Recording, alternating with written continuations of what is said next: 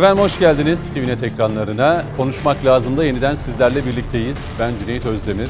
Konuklarımızla birlikte bu haftada konuşmak istiyoruz. Kırıp dökmeden, üzmeden, kavga etmeden. Ee, önce konuklarımı hemen sizlerle tanıştırmak istiyorum.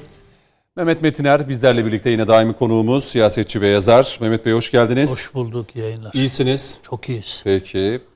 Ee, yine bir başka değerli konuğumuz Büyük Birlik Partisi Genel Başkan Yardımcısı Ekrem Alfatlı bizlerle birlikte. Sayın Alfatlı hoş geldiniz. Hoş bulduk. Teşekkür ederim. Siz Hayır, de- hayırlı yayınlar Çok diliyorum teşekkür ederim. inşallah. Siz de ilk kez geliyorsunuz İlk konuşmak kez, evet, lazım ha? evet, evet. Bir kez daha hoş İnşallah geldiniz diyorum. güzel güzel konuşacağız. Tabii mutlaka. Hep birlikte. Mutlaka. Ee, hukukçu Aydın İşkur bizlerle birlikte. Aydın Bey siz de hoş geldiniz. Hoş bulduk. İyi Siz de yayınlar. iyisiniz umarım. Sağ olun. Teşekkür Peki. ederim. Ve e, bir de akademisyen var. Yani bugün gazeteci, siyasetçi, e, hukukçu e, ve akademisyen konuğumuzda Ankara stüdyomuzda. Hacı Bayram Veli Üniversitesi üyesi Doktor Levent Ersin Orallı. Levent Hocam hoş geldiniz siz de. Cüneyt Bey iyi akşamlar dilerim. Hoş bulduk. Siz de iyisiniz inşallah. Hamdolsun sizler de iyisiniz. Valla gayet iyiyiz. Umarız hani böyle biz burada dört kişiyiz. Siz orada bir tek başınıza. Eee, Umarım eee, orada tek e, yalnız kalmayacaksınız. Tabii sürece sürekli dahil olacaksınız. Şimdi değerli izleyenler. eee, Ankara'yı elimizden geldiğince savunuyor olacağız. Peki, peki, peki. Şimdi tabii e, biz programa başlarken e, Sağlık Bakanı Fahrettin Koca e, kameraların karşısına geçmişti. Türkiye'nin salgınla mücadele vermiş olduğu başarıyı anlattı. Yerli aşıdan bahsetti. Tabii biz haftaya başlarken e, kabine toplantısı sonrasında Cumhurbaşkanı Erdoğan'ın e, açıklamalarını merak ediyorduk. Cumhurbaşkanı çıktı, açıklamalarda bulundu. 1 Temmuz itibariyle yeni bir sürece başlayacağımızı, yeni bir normalleşme, hatta kısıtlamaların kalktığı, sokağa çıkma e, yasaklarının olmadığı, e, tatil sezonunda başladığı bu süreçte pazar günlerinin de artık e, kısıtlamadan muaf olması hepimizi mutlu etti. Bir de son şu birkaç aydır e, aşı tedariğinin de sağlanmasıyla birlikte sağlıklı bir şekilde dünyada şu anda sağlık altyapısı, hastaneleriyle ve sağlık ordusuyla bu işi en iyi yapan biziz. Dünya Sağlık Örgütü de verileri açıkladı. E, günlük aşılamadan tutun da e, yerinde aşılamaya kadar. Demek ki biz burada aslında en baştan beri başarılıydık ama aşı konusunda sıkıntılıydık. Çünkü herkes aşıya ulaşmak istiyordu. Türkiye'de ulaşmak istiyordu. Aşıyı bulan ülkeler tabii bu tedarik konusunda yapılan sözleşmelere uymadılar. Yeteri dozda aşılar gelmedi. Şimdi bunu bir tarafa bırakalım. Türkiye salgınla mücadeleyle bir başarı gösterdi. Sağlık açısından bunu net bir şekilde görelim. Cumhurbaşkanı Erdoğan o gün e, bir müzik kısıtlamasıyla alakalı bir cümle sarf etti ve bunun üzerinden muhalefet bunu aldı.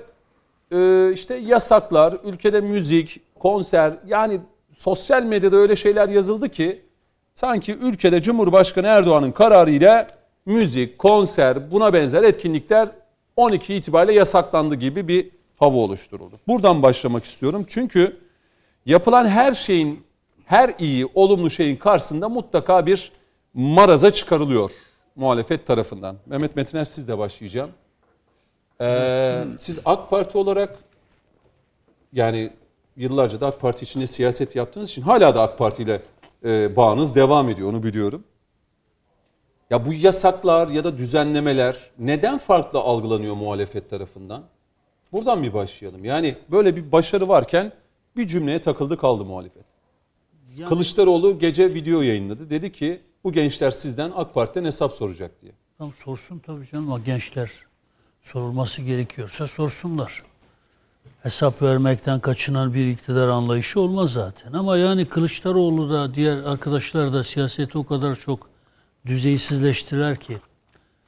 Yani siyasetin içinde olmaktan bile artık yani si- siyasetin siyasetçiler eliyle, siyasetin siyasetin siyasetçiler marifetiyle bu kadar aşağıya çekildiği bir başka dönem herhalde yaşanmadı yani. Hakikaten yani hoş bir şey değil bu yani. Herkes ağzına gelen her şeyi söylüyor. Birbirine dair her şeyi söylüyor. Ee, yani çamur siyaseti, karalama siyaseti, algı operasyonu bu, bu, bu böyle değil ki yani. Benim bildiğim siyaset projelerle yarışır, fikirlerle yarışır. Siyasetçiler birbirlerini e, tezler üzerinden konuşurlar, tartışırlar. Şimdi yani e, 12'de müziğin yasaklandığını, yani 12'den sonra zaten siz müziği ulu orta açamazsınız yani. Bu kanunlarla düzenlenmiş, e, genelgelerle düzenlenmiş bir konu yani. Bunun müzikle ilgili bir yanı yok. Yani gecenin bir yarısı yanı başınızda oturan bir insanı rahatsız etmesine hakkınız yok ki yani. Üstelik AK Partili belediyeler, MHP'li belediyeler, Büyük Birlik Partili belediyeler yani yıllar yılı hali hazırda da süre gidiyor. Konserler veren belediyeler yani. Müziğe karşı kimin ne şey olur, tepkisi olur yani. Bunlar hoş şeyler değil. Bunlar Neden rahatsız oldu peki muhalefet? Şimdi e, muhalefetin rahatsızlığı her şeyden rahatsızlığa dönüştü.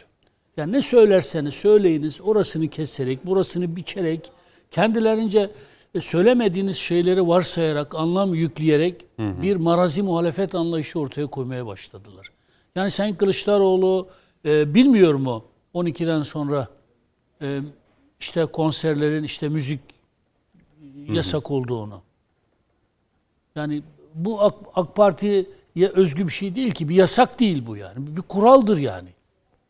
Pandemi koşullarında geçiyoruz. Düşününüz ki bir tatil beldesine gitmişsiniz ve herhangi bir başka yerdesiniz yani. Gecenin 12'sinden sonra işte e, gökleri yırtan bir müzik sesi var. Bağırışmalar, çığırışmalar. Bu hoş bir şey değil ki. Yani kimsenin kimsenin hakkına tecavüz etmeye hakkı yok her şeyden önce. Bu, bunun müzik yasaklamakla bir alakası yok.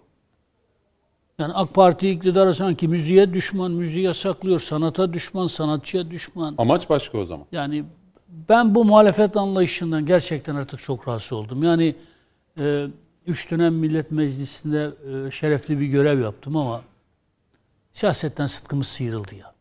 Yani konuşacağımız konular bunlar mı olmalı? Ya işte yani Bu mu yani? Bu mu ya? Siyaseti bu kadar çok magazinel düzeye çekmek bu mu ya? Bir Türkiye'yi konuşamıyoruz ya.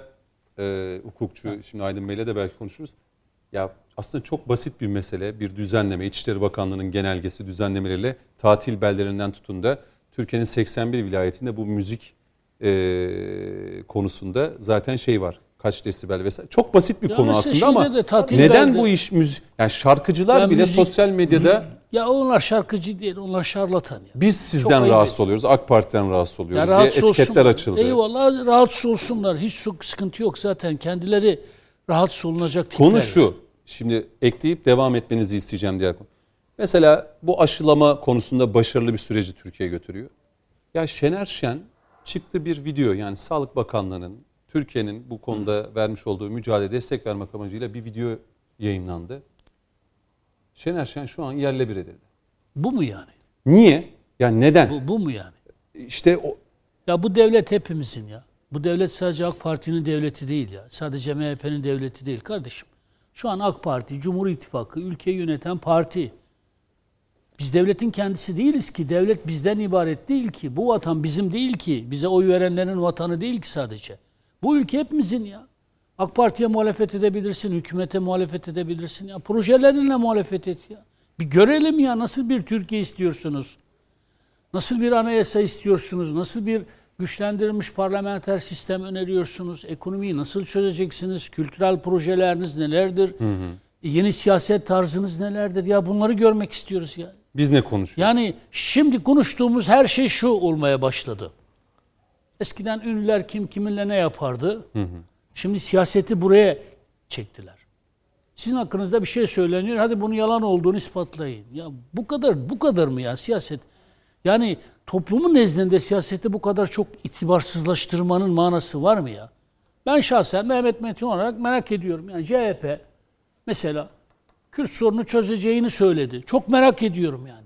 Bu Nasıl ülkenin bir çözecek? Kürt vatandaşı olarak gerçekten çok merak ediyorum. Yani acaba bir Kürt sorunu derken nasıl bir sorundan bahsediyor? Nasıl yani bir tanım yapsın istiyorum. Bir, iki, bu sorunu nasıl çözecek? Ha diyelim ki AK Parti çözemedi. Bence çözdü de. Hadi diyelim ki çözemedi. Kemal Bey de pro- parti programını aldı. Biz e, Kürt sorunu çözeceğiz dedi. Peki Kemal Bey nasıl çözeceksin? Bir açıkla. E, iktidara geldiğimizde gösteririz. Ya bu mu siyaset ya? Güçlendirilmiş, iyileştirilmiş parlamenter sistem deyip duruyorlar. Peki nedir dediğiniz şeyler?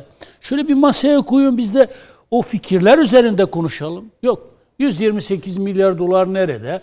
Şu ne yaptı? Bu ya bu Kim belirliyor peki? Yani çamur at. hayır, iktidar açısından da muhalefet açısından da gündem nasıl belirleniyor? Nasıl gündem ortaya konuluyor? gündem gündem ne yazık ki Atlantik ötesinden belirleniyor.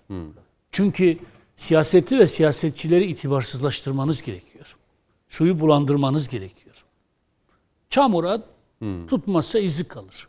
Ya bir yalanın yalan olduğunu ispat etme yükümlülüğü bile bir züldür ya. Bir iddia ortaya atılıyor. Efendim bunun doğru olmadığını ispatla. Ya ne kadar ayıp bir şey bu ya. Yani Kemal Bey'in yaptığı böyle çok ucuz bir siyaset.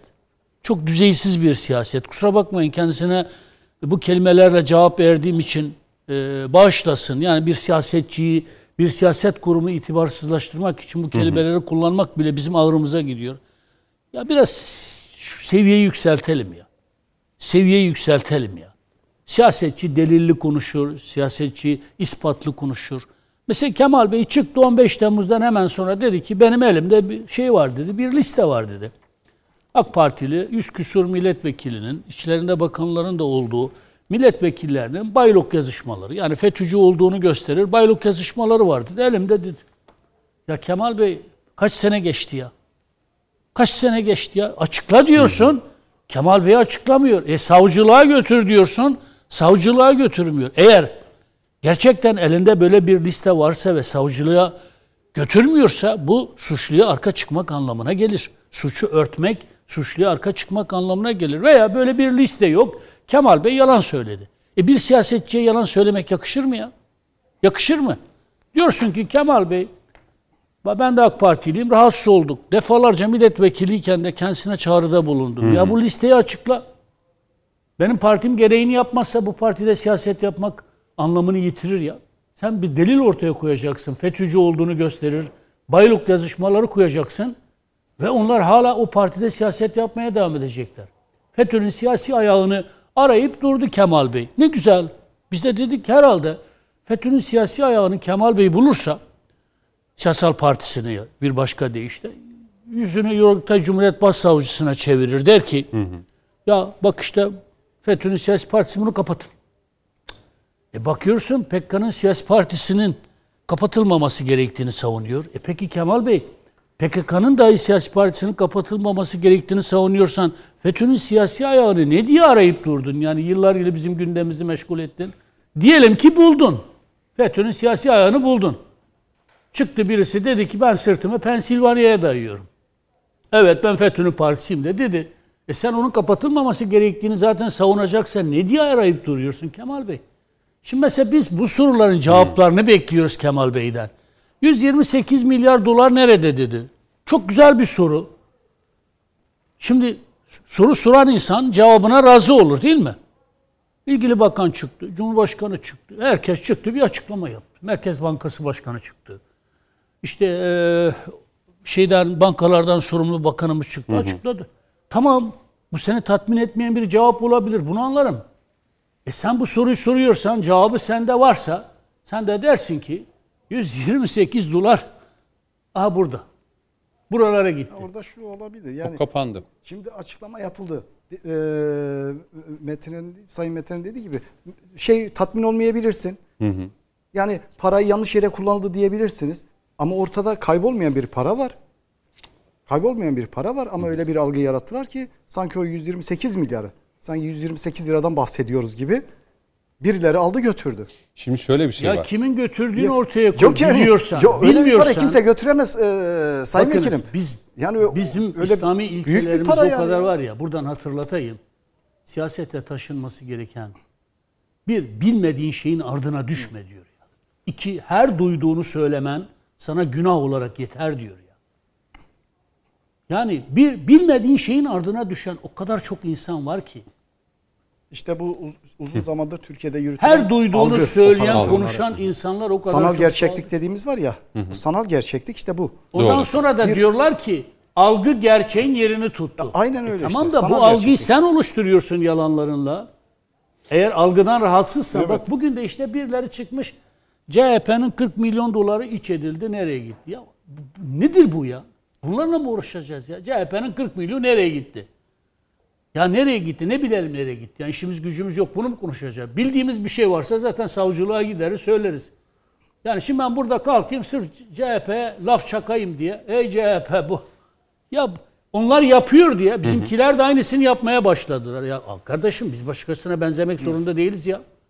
Biz bizim ilkelerimiz var. Ben şahsen ben düşman tırnak içinde siyasal partileri muhalefeti düşman olarak gördüğüm için demiyorum. Velev ki düşman bile olsa karşımızdaki bizimle ahlaksızca harp ediyorsa biz onun yöntemiyle onlarla harp edemeyiz. Şu an böyle bir ahlaksızca mücadele içinde mi muhalefet? Yani troll siyaseti He, izlenmez anladım. yani. Sosyal Peki. medyadaki trolleri anlayabilirsiniz ama eğer bu troll zihniyeti siyasete dönüşürse bunun adına e, e, muhalefet denmez. Bunun adına yıkıcı, zehirleyici, ülkeye zarar verici Peki. muhalefet denir. Ne yazık ki Kemal Bey bu konuda gerekli hassasiyeti gösterdi. Şimdi Ekrem Bey de ilk kez bizimle birlikte. Tabii Büyük Birlik Partisi de Cumhur İttifakı'nın içerisinde yer alan bir parti. Ee, ve az önce Sayın Metiner'le başladığımız bu süreçte e, salgınla mücadelede evet aşının eksik olduğu ama geri kalanıyla sağlık çalışanları, hastaneler, sağlık altyapımız e, bunlarla Türkiye bir başarı hikayesini yazıyor şu anda. Yani dünyada son bir hafta içerisinde bu kadar hızlı aşılama yapan başka bir ülke yok. Bunu net bir şekilde görüyoruz. Ama görüyoruz ki Sayın Cumhurbaşkanı o gün 1 Temmuz itibariyle yeni bir Türkiye, işte daha da normalleşeceğimiz, yasakların kalktığı, e, tek tek bunları açıklarken muhalefet yeniden e, bir e, siyaset mi diyelim ne diyeyim sizin onu tam hani az önce söylediniz yani bu da siyaset de değil bu. Yani troll siyaseti. ha, troll siyaseti dedi e, ve adeta bir yasaklar e, Bak ülkesi mesela olduğundan ben düşman dedim ya.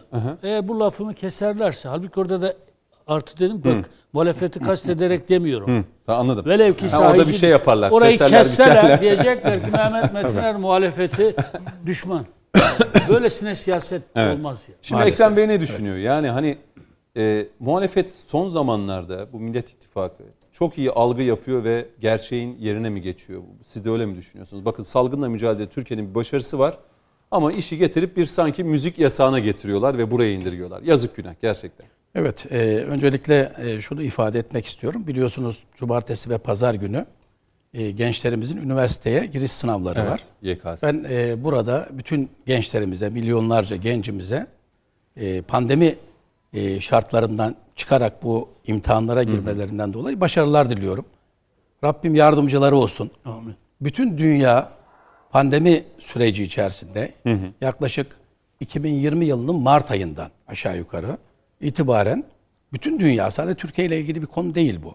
Bütün dünya bu belayla e, olağanüstü durumla e, bugüne kadar e, dünya çapında hiç karşılaşmadığı belki de hazır olmadığı e, bu süreçte mücadele ediyor. Şimdi e, tabii bu süreçte mücadele ederken e, bu sürecin kahramanları da var. Yani ben zaten siyasetçiler, e, yöneticiler, siyasete talip olanlar, yönetmeye talip olanları ben bir kenara koyuyorum. Artılarıyla eksileriyle. Onların artılarını ve eksilerini Necip milletimiz, aziz milletimiz zaten seçimlerde değerlendiriyor. Tabii ki, tabii. Dolayısıyla onu bir kenara koyuyorum ama bu işin kahramanları, yani bu sürecin kahramanları haksızlık da etmemek lazım. Özellikle sağlık çalışanları, e, Sağlık Bakanlığı, emniyet mensuplarımız, İçişleri Bakanlığımız e, ve bunun dışında vatandaşlarımız. Niye? Esnafıyla, çiftçisiyle, e, emeklisiyle, çalışanıyla, çalışmayanıyla, sanayicisiyle, yani burada ifade edemeyeceğim, sayamayacağım 84 milyon Türkiye Cumhuriyeti Devleti'nin vatandaşı da bu süreci sıkıntıyla atlattı. Yani e, her birinin hayat hikayelerini, Tabii ki. yaşam Doğru. mücadelelerini ve bu konudaki sıkıntılarını anlatmaya kalksak burada programlar yetmez. Doğru. Şimdi bütün bu sıkıntılar varken, bütün bu e, olumsuzluklar varken ve gerçekten de e, Büyük Birlik Partisi olarak biz 28 yıldır rahmetli şehit ebedi siyasi liderimiz Muhsin Yazıcıoğlu'ndan bu yana e, yapıcı, yol gösterici muhalefet anlayışıyla hareket ettik. Doğrunun yanında yer aldık. yanlışları ve eksikleri de bize göre yanlışları ve eksikleri de doğru bir üslupla e, mümin bir üslubuyla vatanımıza, milletimize, bayrağımıza, ortak değerlerimize zarar vermeyecek bir üslupla da ikaz ettik, uyardık ve muhalefetini yaptık. Şimdi bir hakkı teslim etmek lazım. Sağlık Bakanlığı, Bilim Kurulu, sağlık çalışanları bu süreci bütün dünyanın gelişmiş ülkeleri e, sta- e, standardında aslında atlattılar. Yani bu konuda hepsine buradan teşekkür etmek istiyorum. Birincisi bir hakkı teslim edelim. E, ikinci olarak e, siyaset tabii ki e, tam kapanmalardan bakın tam kapanmaları geçirdik. Maalesef hafızalarımız Doğru. bazen yanılıyor, bazen unutuyoruz, bazen eksik hatırlıyoruz. Tam kapanmalardan normalleşme süreçlerine başlandı. 1 Temmuz itibariyle de inşallah yeni normalde daha pandemi bitmiş değil. Doğru. Yeni normalde yine maskemizi, mesafemizi, hijyenimizi, sağlık kurallarına ve bilim kural, e, kurulunun kurallarına uymak suretiyle de yeni normale doğru geçiyoruz. Şimdi burada çok şey söyleyebiliriz. Çok eksiklikten bahsedebiliriz. Çok da muhalefet yapabiliriz. Ancak e, ikinci bölüm, bu konuyla ilgili ikinci bölümde şu, zaten sesle ilgili, gürültüyle ilgili, gürültü kirliliğiyle ilgili de biliyorsunuz kanuni düzenlemeler var. Şimdi ben buraya gelirken getirdim, tabii çok gündemde olduğu için. Bakın en son 2015 tarihinde e, çevresel gürültünün değerlendirilmesi ve yönetimi yönetmeliğinde değişiklikler yapıldı. 2015 tarihinde son değişiklikler yapıldı. Bakın orada evinizde kullandığınız dolap, buzdolabınıza kadar, çamaşır makinenize kadar, kullanılan yalıtım malzemelerine kadar, evinizde dolaşırken yapacağınız sese kadar. Öyle değil mi şimdi? Doğru. Neticede bir hak, hukuk meselesi de var. Yani madem kolektif yaşıyorsak, beraber yaşıyorsak, özgürlüklerden bahsediyorsak, hep klasik olarak şunu demiyoruz mu? İnsanların özgürlüğü bir başkasının özgürlüğüne müdahale ettiği kadardır, ettiği yere kadardır. Dolayısıyla bu anlamda baktığımız zaman da zaten bu konuda kanuni düzenlemeler Doğru. var.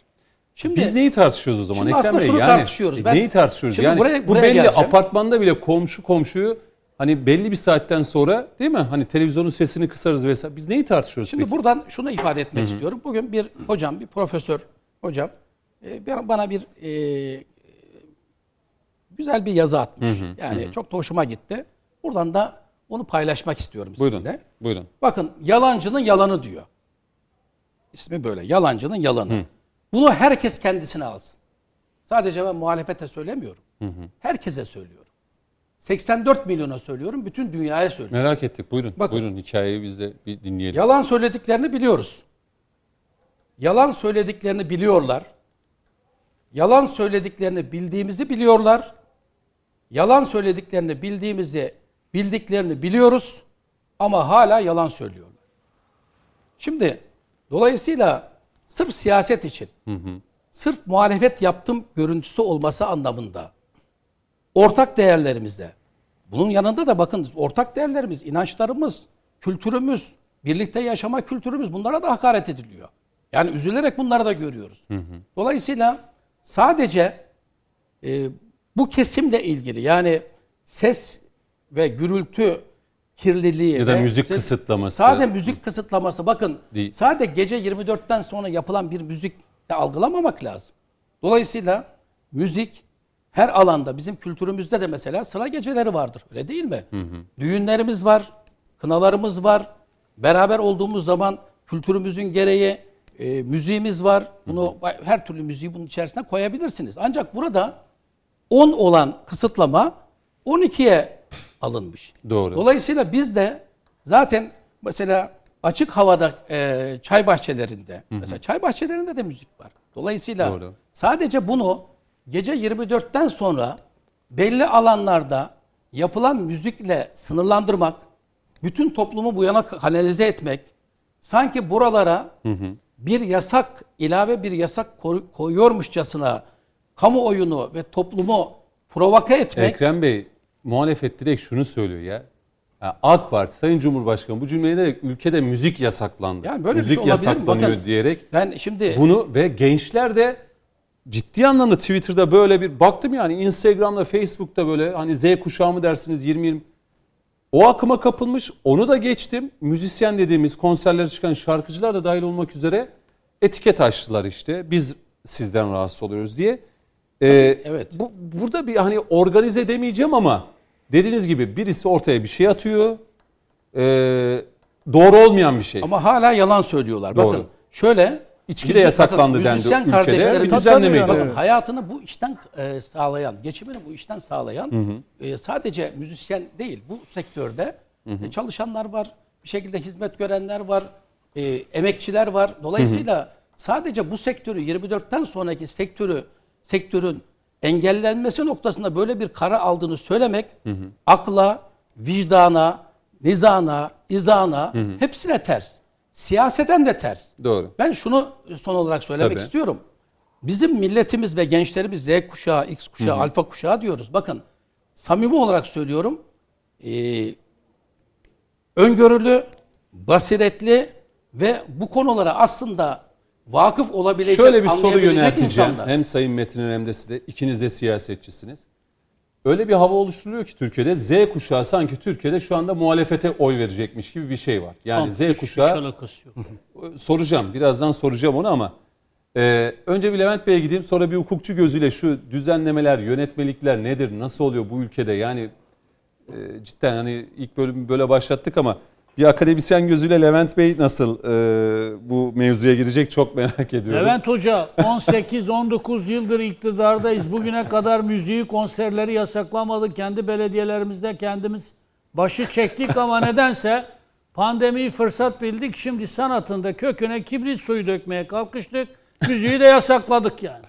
Valla ben Yani öyle mi yaptınız Sayın Metin? Yani Yoksa- öyle- öyle mi yaptınız? yap- Öyle söyleyin o Yani bakın şimdi, Öyle yaptığımızı iddia ediyorlar. Heh, yani Buraya şimdi- kadarki kısmı keserlerse Tamam o zaman yarın öbür gün diye Mehmet Metiner TVNet'te böyle dedi. Peki Levent Hocam buyurun. Böylesine bir troll siyasetiyle karşı karşıyayız. yani. Üstadım yani Sayın Mehmet Metiner'in ben defalarca şarkı söylediğine, canlı yayınlarda türkü söylediğine şahit olan biri olarak bir defa sanatın ve sanatçının yanında olduğuna müşahitlik Yani şu an bile biriyim. izin verirlerse Bugün, söyleriz bugün, yani. bugün bitirirken bence ben Sayın Metiner'den bir türkü alacağım. Tamam. İyi hatırlattınız Levent Hocam. Eyvallah. Biz de iyi dinleyiciyiz. Tabii şunu Evet. vurgulamak lazım. Yani hem Mehmet Bey'in hem Ekrem Bey'in belirttiği gibi hani delille ve ispatla konuşmak gerekir ya bununla başladı hadise. Bir defa Umumi Hıfzı Sıha Kanunu. Yasal bağlamda bu hakkı bununla ilintili süreci, genel sağlık koruma sürecine ilişkin hadiseyi doğrudan valiliklerin denetimine bırakmış durumda bu bir. Kabahatler Kanunu zaten belirli saatlerden sonra o var olan gürültünün yasaklanmasına ilişkin idari para cezalarını konumlandıran yasal mevzuat. Devam ediyorum. 2872 sayılı Çevre Kanunu 12. maddeyle zaten bunun belirli alanlar dahilinde yani bir başkasının hürriyet alanına müdahale edilmeden gerçekleştirilmesi hususunu net bir şekilde ortaya koymuş ve Ekrem Bey'in belirttiği gibi çevresel gürültünün yönetilmesine ilişkin yönetmelik zaten canlı müziğin ne olduğundan tutun bir kişinin rahatsız olacağı desibelin ne olduğuna kadar her birini düzenlemiş vaziyette. Ve bu çerçevede aslında öne çıkan temel parametre şu. Canlı müzik denilen hadise zaten saat belirli yerlerde 2'ye kadar, belirli yerlerde de gece 24'e kadar serbestti. Peki ne zamana kadar serbestti? Mart 2020'ye kadar serbestti. Aslında zaten biz bir buçuk yıldır müziğe hasret kaldık. Doğru. Yani bu anlamda bütün şüphesiz müzik emekçilerinin her birine hakikaten hakkını teslim etmek ve bir yandan da teslim edene de hakkını vermek lazım. Şimdi biz en başından beri pandeminin hızlı destek programlarını gördük. COSGAP'in ortaya koymuş olduğu projeleri gördük. Çok çeşitli teşvik paketlerini gördük. Ve bu teşvik paketlerinin içerisindeki kredi ve istihdam paketlerinin büyük bir alanı aslında hem tiyatro camiasına hem sinema camiasına hem müzik camiasına ilişkindi. Zaman zaman kendimi hayıflanarak sorduğum soru şudur. Eğer siz bu teşvik paketleri hazırlandığında ve açıklandığında var olan yönetim erkinin hakkını veriyor olsaydınız o zaman şüphesiz eleştirileriniz de gerçek anlamda dikkate alınırdı. Fakat sadece dünyaya eleştirel gözle baktığınız zaman sanki bir buçuk yıldır müzik gerçekten hükümet tarafından yasaklanmış, ortada pandemi diye bir hadise yoktu ve an itibariyle ortaya koyulmuş olan artık bakın canlı müzik serbesttir. Ama bunu bir 24'e kadar başlatalım ile ilintili olan ben bana sorarsanız ön açıcı hadiseye acaba biz buradan nasıl eleştiri getiririz gözüyle baktığınız zaman hakikaten bana sorarsanız müzisyenlere gerçek müzisyenlere döndüğünüz zaman müzik emekçilerine saat 24'e kadar açık olmak 17 ay sonra atılan çok büyük bir hamle ve bir adımdır. Aslında bu işe bardağın neresinden baktığınız sorusuna bağlı olarak değişiyor hadise. Ben dolu kısmından bakmayı tercih ediyorum ve şunu görüyorum. Hem sağlık çalışanlarının şu ana kadar insan üstü bir meziyetle sarf ettiği büyük bir çaba. Hem diğer tarafta bilim kurulunun ortaya koyduğu inanılmaz hakikaten kabiliyetli bir potansiyel ve şu anda Türkiye dünyada nüfusuna oranla 7. sırada aşı yüzdesi itibariyle. Biz Son bir haftada 18 birinci Levent kadar- Hocam. Son O- bir hafta aşılama hızına bakıldığında bir birinci. sayı. Bu ivmeyi düşünebiliyor musunuz? Son bir haftalık süreç toplamda dünyada hani tek tek baktığınız zaman OECD ülkeleriyle kıyasladığınız zaman ilk beşin içerisindeyiz. Hani Çin, ABD gibi aşıyı önce bulup ardından da büyük bir emperyal tutumla zenginler kulübüne armağan eden grupları dışarıda tuttuğunuz zaman zaten ilk üçün içerisindeyiz. Ve Cüneyt Bey başladığınız hadise çok önemliydi. Aşıyı tespit edip Dünya Sağlık Örgütü'nden kaçıran devletlerden bahsediyoruz. Doğru. Ülkelerinin nüfusu 60-70 milyon olmasına rağmen 300 milyon doz aşı alıp kimseyle paylaşmayan İngiltere'den, İtalya'dan, Fransa'dan ve Almanya'dan bahsediyoruz. Dolayısıyla bu denli kuzey ve güney eşitsizliğinin var olduğu bir coğrafyada Türkiye sadece Türkiye'de yaşayan Türkiye Cumhuriyeti vatandaşlarına değil 3 milyon 800 bin Suriyeliye, 1 milyona yakın Afgan ve Iraklıya aşılama yapabilmiş bir ülkeden bahsediyoruz. Hadi hep beraber İsveç'e, Danimarka'ya, Finlandiya'ya gidelim. Türkiye Cumhuriyeti vatandaşıyız. Bize bir aşı yapın diye bir serzenişte bulunalım. En iyi ihtimalle 2-3 ay beklersiniz. Bütün vatandaşlar aşılandıktan sonra size sıra gelir. İşte bu denli ayrımcılık yapmaktan uzak. Anadolu coğrafyasının tamamını kucakladığı gibi Kuzey Kıbrıs Türk Cumhuriyeti'ne, Libya'ya, Azerbaycan'a, Karabağ bölgesine aşı gönderme kudretine erişmiş Türkiye'den bahsediyoruz. Ve yerli Ekrem aşı Bey'in bittikten gibi, sonra da tüm dünyaya cumartesi- sunacağımız bir yani bu, bu da önemli yani yerli aşının şu faz 3 aşamasının bitimiyle belki de dünyada o kadar mazlum coğrafya var ya Bir iddia yani ortaya koyduk. aşıyı bırakın ekmeği temiz suyu Kesinlikle, bulamıyor. kesinlikle. E, dolayısıyla onlar için de umut olacağız. O zaman Kesinlikle. Levent hocam dert ne yani? Hani biz neyi tartışıyoruz? Ya ben yarım saattir şimdi konuşuyoruz. Ya ülkede müzik yasaklandı. Ee, işte ya bu ülke Sayın Metiner de hep e, dile getirir. Yani mesela alkol düzenlemesinde de aynı şey yapıldı. Evet. Alkol düzenlemesinde de aynı yalan. Ki Biz bunu bakın seviyoruz. buradan çok net bir şekilde söyleyeyim. Batı'da Avrupa ülkeleri ve Amerika'da dahil olmak üzere bu alkol düzenlemesi çok katıdır. Çok katı. Hapis cezası, para cezası vardır. Türkiye şu anda o alkol düzenlemesini Batı ve Avrupa normlarına göre yaptı ama gevşetilmiş bir halde. Hala bunu bilmiyor ama o dönem bu ülkede yine bugün müzik yasaklandı diye yaygara koparanlar o günde bu ülkede içki yasaklandı. İşte AK Parti içkiyi yasakladı diye yaygara kopardılar. Doğru değil, yanlış, yalan. E, Çok, çok doğal değil Yalan. mi Cüneyt Yalan. Bey? Şöyle çok doğal değil mi? Eğer yumuşak güç alanlarında politika üretemiyorsanız, kamu diplomasisi boyutunda yoksanız, Türkiye'nin dışında sizi doğrudan muhatap alan bir yapı yoksa, örnek veriyorum Paris'te, Berlin'de, Brüksel'de temsilcilikleriniz yoksa nasıl dış politika üreteceksiniz? Nasıl iktisadi politika üreteceksiniz? Şimdi muhalefete ben aslında zaman zaman da seslenip serzenişte bulunuyorum. Madem iktidar olma gayesiyle yola çıktınız ki siyasi partilerin temel amacı budur şüphesiz. O zaman yurt dışında kaç tane ülkede temsilciniz var? Kaç iktisadi politikayı ortaya koydunuz? Ve hem orta vadeli hem uzun vadeli hangi kalkınma planlarıyla muhalefet yapıyı konsolide etmeye gayret ediyorsunuz? Eğer bunu yapamazsanız müzik yasağından bahsedersiniz. Bunu yapamazsanız alkol yasağından bahsedersiniz. Bunu yapamazsanız mazlumlar üzerinden siyaset üretmeye gayret edersiniz. Ama neyi yapmazsınız? Hiç kimseye sorup dönüp mazlumlara mikrofon uzatıyor mu acaba? Hayır. O mikrofon uzatanlara çok kızıyorum ben. paketleriyle O mikrofon uzatanlara çok kızıyorum. Nasıl kızıyorum Levent Hocam? Belki döneceğim. Şimdi Aydın Hocama da hukukçu gözüyle. Şimdi bu mevzu konuşuldu. Bu YouTuber'lar var işte. Ne diyorlar YouTuber, influencer falan diye. Hani biz olamadık. Olmayı da düşünmüyoruz tabii ki. Yani biz işimizi yapalım. Yani yaptığımız işi iyi ve düzgün yapmaya çalışıyoruz. Mikrofon uzatıyorlar Aydın Bey. Ee, gençlere yani mikrofonu. Genç birisiyle mikrofonu. Ülkede müzik yasaklandı ne düşünüyorsunuz diye. Ya Bir de böyle de bir tehlike var yani. Hani Bilerek yapılan. Tabii evet, tabii yani bu, bir bu algı oluşturmak şimdi gençler arasında da bu Evet. yayılıyor yani. Hani Evet. Ya ülke bir salgınla mücadelede bir başarı sağlamış. Bir noktaya gelmişiz. Rahatlayalım, nefes alalım. Hafta sonları ailemizi alalım. Sağa sola gidelim hani e, hepimiz buna müzik dinlemeyi özledik, tiyatro izlemeyi, konser öz- izlemeyi özledik.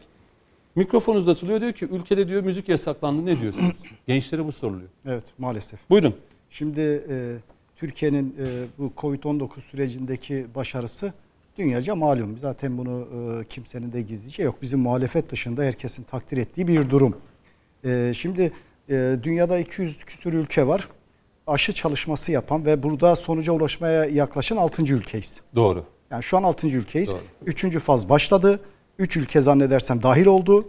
Ee, hatta e, üçüncü faz tamamlanmadan da yani 10 bin denek üzerindeki sonuçlar biz Olumlu. bir uzman değiliz ama e, bu konudaki uzmanların görüşü ve Sayın Bakan'ın da açıklamasıyla üçüncü faz tamamlanmadan da acil kullanım onayı verilebilir. Yani şimdi böyle bir Türkiye var. Yani şurada bir yılda Türkiye e, tırnak içinde söylüyorum o kaos, kriz, ülkeyi yönetemiyorlar iddiası var ya. Ya bu iddia üzerine Türkiye'yi şekillendiriyorlar. Salgını Şimdi aslında salgın bir ama araç oldu onlar Sa- için. tabii salgın, Muhalefet öyle salgın, gözüküyor. salgın kendi amaçlarına ulaşabilmek için araç. Türkiye'nin bu e, sıkıntılı sürecinde insanlar can derdine düşmüşken devlet vatandaşlarını korumak amacıyla bütün imkanlarını Kapandık, seferber doğru. etmişken kaldı ki sadece kendi ülkemizde değil dünyanın her yerine yaklaşık 100 küsür ülkeye yardım göndermiş bir ülkeyiz. Bakın bunu e, bugün e, dünyanın süper gücü ekonomik anlamda dünyanın ilk 5, 7, 10 ülkesi dahi yapmamışken Türkiye, Amerika'da dahil olmak üzere dünyanın birçok ülkesine tıbbi yardım göndermiştir. Bunun takdir edilmesi gerekirken halen dönüp Türkiye'de e, kriz, kaos ortamı yaratmaya çalışan bir kesim var. Hatta öyle bir kesim var ki işte e, şu odasıdır, bu odasıdır. E, neredeyse e, çok özür diliyorum vatandaşlar. Mezarlıklar müdürlükleriyle ortak e, iş yapacak duruma geldiler. Kendi işlerini bıraktılar. Siyasette ilgili odalar da işte yok e, şu kadar vatandaş öldü siz bunu gizliyorsunuz. Ya kardeşim mutlu mu olacaksınız? Yani Doğru, ilk zamanlarda bu vardı. Allah hiçbir vatandaş şey yapmaz herkese can sağlığı versin. Yani 10 bin kişi olsa mutlu mu olacaksınız? Evet insan aklına bu geliyor. Sanki mutlu olacaklar. Çünkü buradan kendilerine siyaset devşirecekler. Ne yazık ki Doğru, doğru. bu süreçte e, hep birlikte aşmamız gereken çünkü 7 milyar insan bu hastalıkla pençeleşiyor. Biz değiliz sadece. Yani bizim kusurumuz ülkemizin müzik, Müzik bu işin neresinden çıktı? hiçbir yer, yerinde Yani yok. muhalefet açısından. Bakın yerinde yok. Muhalefet bir şey arıyordu. Oradan hemen o buldu o yerinde cümleyi. ve- yok. Şimdi e, kanunlar açık. Türk Ceza Kanunu 123. Orada açık şekilde düzenlenmiş. Gürültü yapmanı yasak oldu. E, Salgın öncesinde vardı yani. 0-2'ye kadar mıydı? Hayır, e, Değil mi? Şeylere göre değişiyordu bu. Ha, turistik yerler. e, açık mekanlar 12. 12'den sonra özel izin almanız yani gerekiyor. bu aslında bilinen bir şey. Tabii, ya bilinen. Hatta düğünlerde vesaire sokak düğünlerinde saat 11 izin almanız 12'den gerekiyor. sonra doğru. İzin doğru, alma, özel doğru. izin almanız Tamam. gerekiyor. İzin almadığınız sürece zaten yasaktı. Şimdi aynı şeyi bakın alkol e, yasağı hikayesiyle başlattılar. Hatta e, o süreçte bazı kendini sanatçı olarak addeden kişiler sosyal medya üzerinden e, faşist ve Yani birçok şey Bakın artı artı bakın vatandaşı sokağa çağırmaya davet Tabii. ettiler. Şimdi ortada kimsenin kimsenin ilişkisine karıştığı yok. Özel hayatıdır şey yapar. Kaldı ki devlet bakın devlet e, toplumu toplumun genel sağlığını gençliği korumakla mükellef. Anayasal sorumluluğu var devletin burada. Devlet bununla ilgili olarak gerekli düzenlemeleri yapmaya hak sahibi olan Şimdi bütün bunlar varken ortada bir yasak da yokken siz o gün gittiniz bir şişe değil on ki size niye 10 şişe alıyorsunuz diye soran oldu mu? Hayır. Stok yaptınız içen içti. Kimsenin kimseye karıştığı yok. Ama işte burada maalesef uzun zamandır Türkiye'de e, yapılan bir algı çalışması var. İşte 128 milyar nerede? Yok e, şu adalardaki hikaye, bu adalardaki hikaye böyle yalanlar üzerinden e, bir siyaset üretme. Çünkü burada aslında baktığınızda e, Hitler'in basın danışmanı Göbels var. Şimdi Göbels'in taktiğine baktığınızda ne Yüz diyor defa, Göbels? bin defa, önce, bin defa. önce diyor e, toplumu etkileyebilecek ve hükümet politikalarını karşıdaki yani muhalefet Büyük bir yalan. düş, dü- e, kuvvetini etkileyecek önce bir şey bulun. Yalan bulun. Sonra diyor onu söyleyin. Defalarca. İnanmaz. Evet bir kısım inanır bir kısım inanmayacaktır. Ama siz inanarak bunu daha da söyleyin.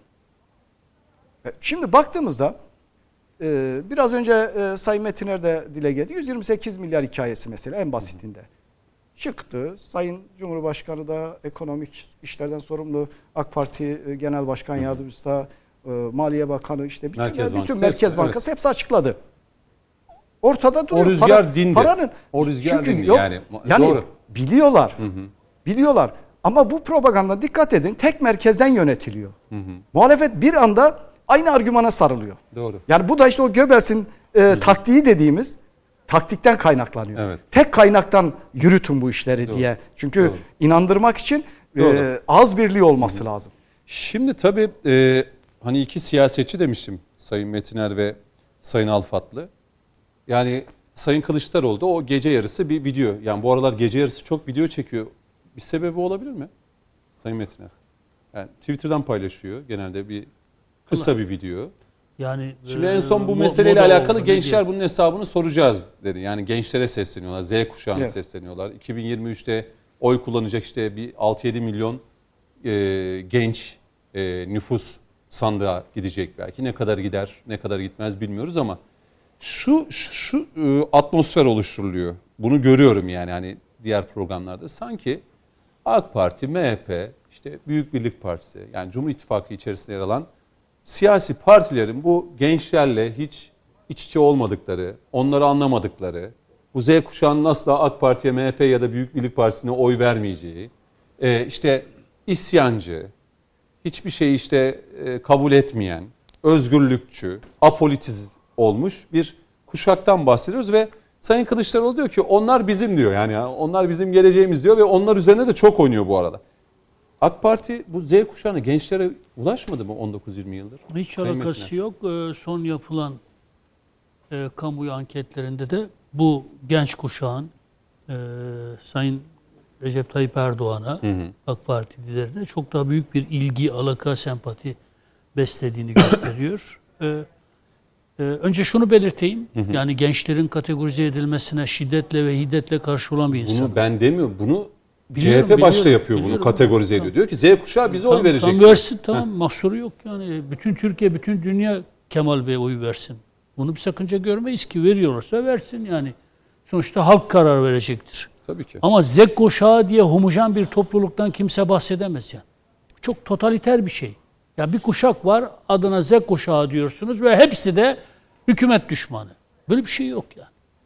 Yani si- siyasette böyle çiğlikler, böyle e, sosyolojik temelden yoksun iddialar üzerine oturtmanın manası yok. Mesela bütün Kürtler diye başlayan. HDP Kürtlerin partisi. Peki Türklerin partisi hangi parti? Çok merak ediyorum yani. Tam Kürtlerin partisi olsun da peki Türklerin partisi hangi parti kardeşim? Peki HDP'de siyaset yapan Türkleri nereye oturtacağız? PKK'nın terör baronlarının üçte ikisinin Türk olması gerçekliğini nereye oturtacağız yani? Şimdi insanlar çok kategorik düşünmeyi marifet zannediyorlar. Z kuşağı.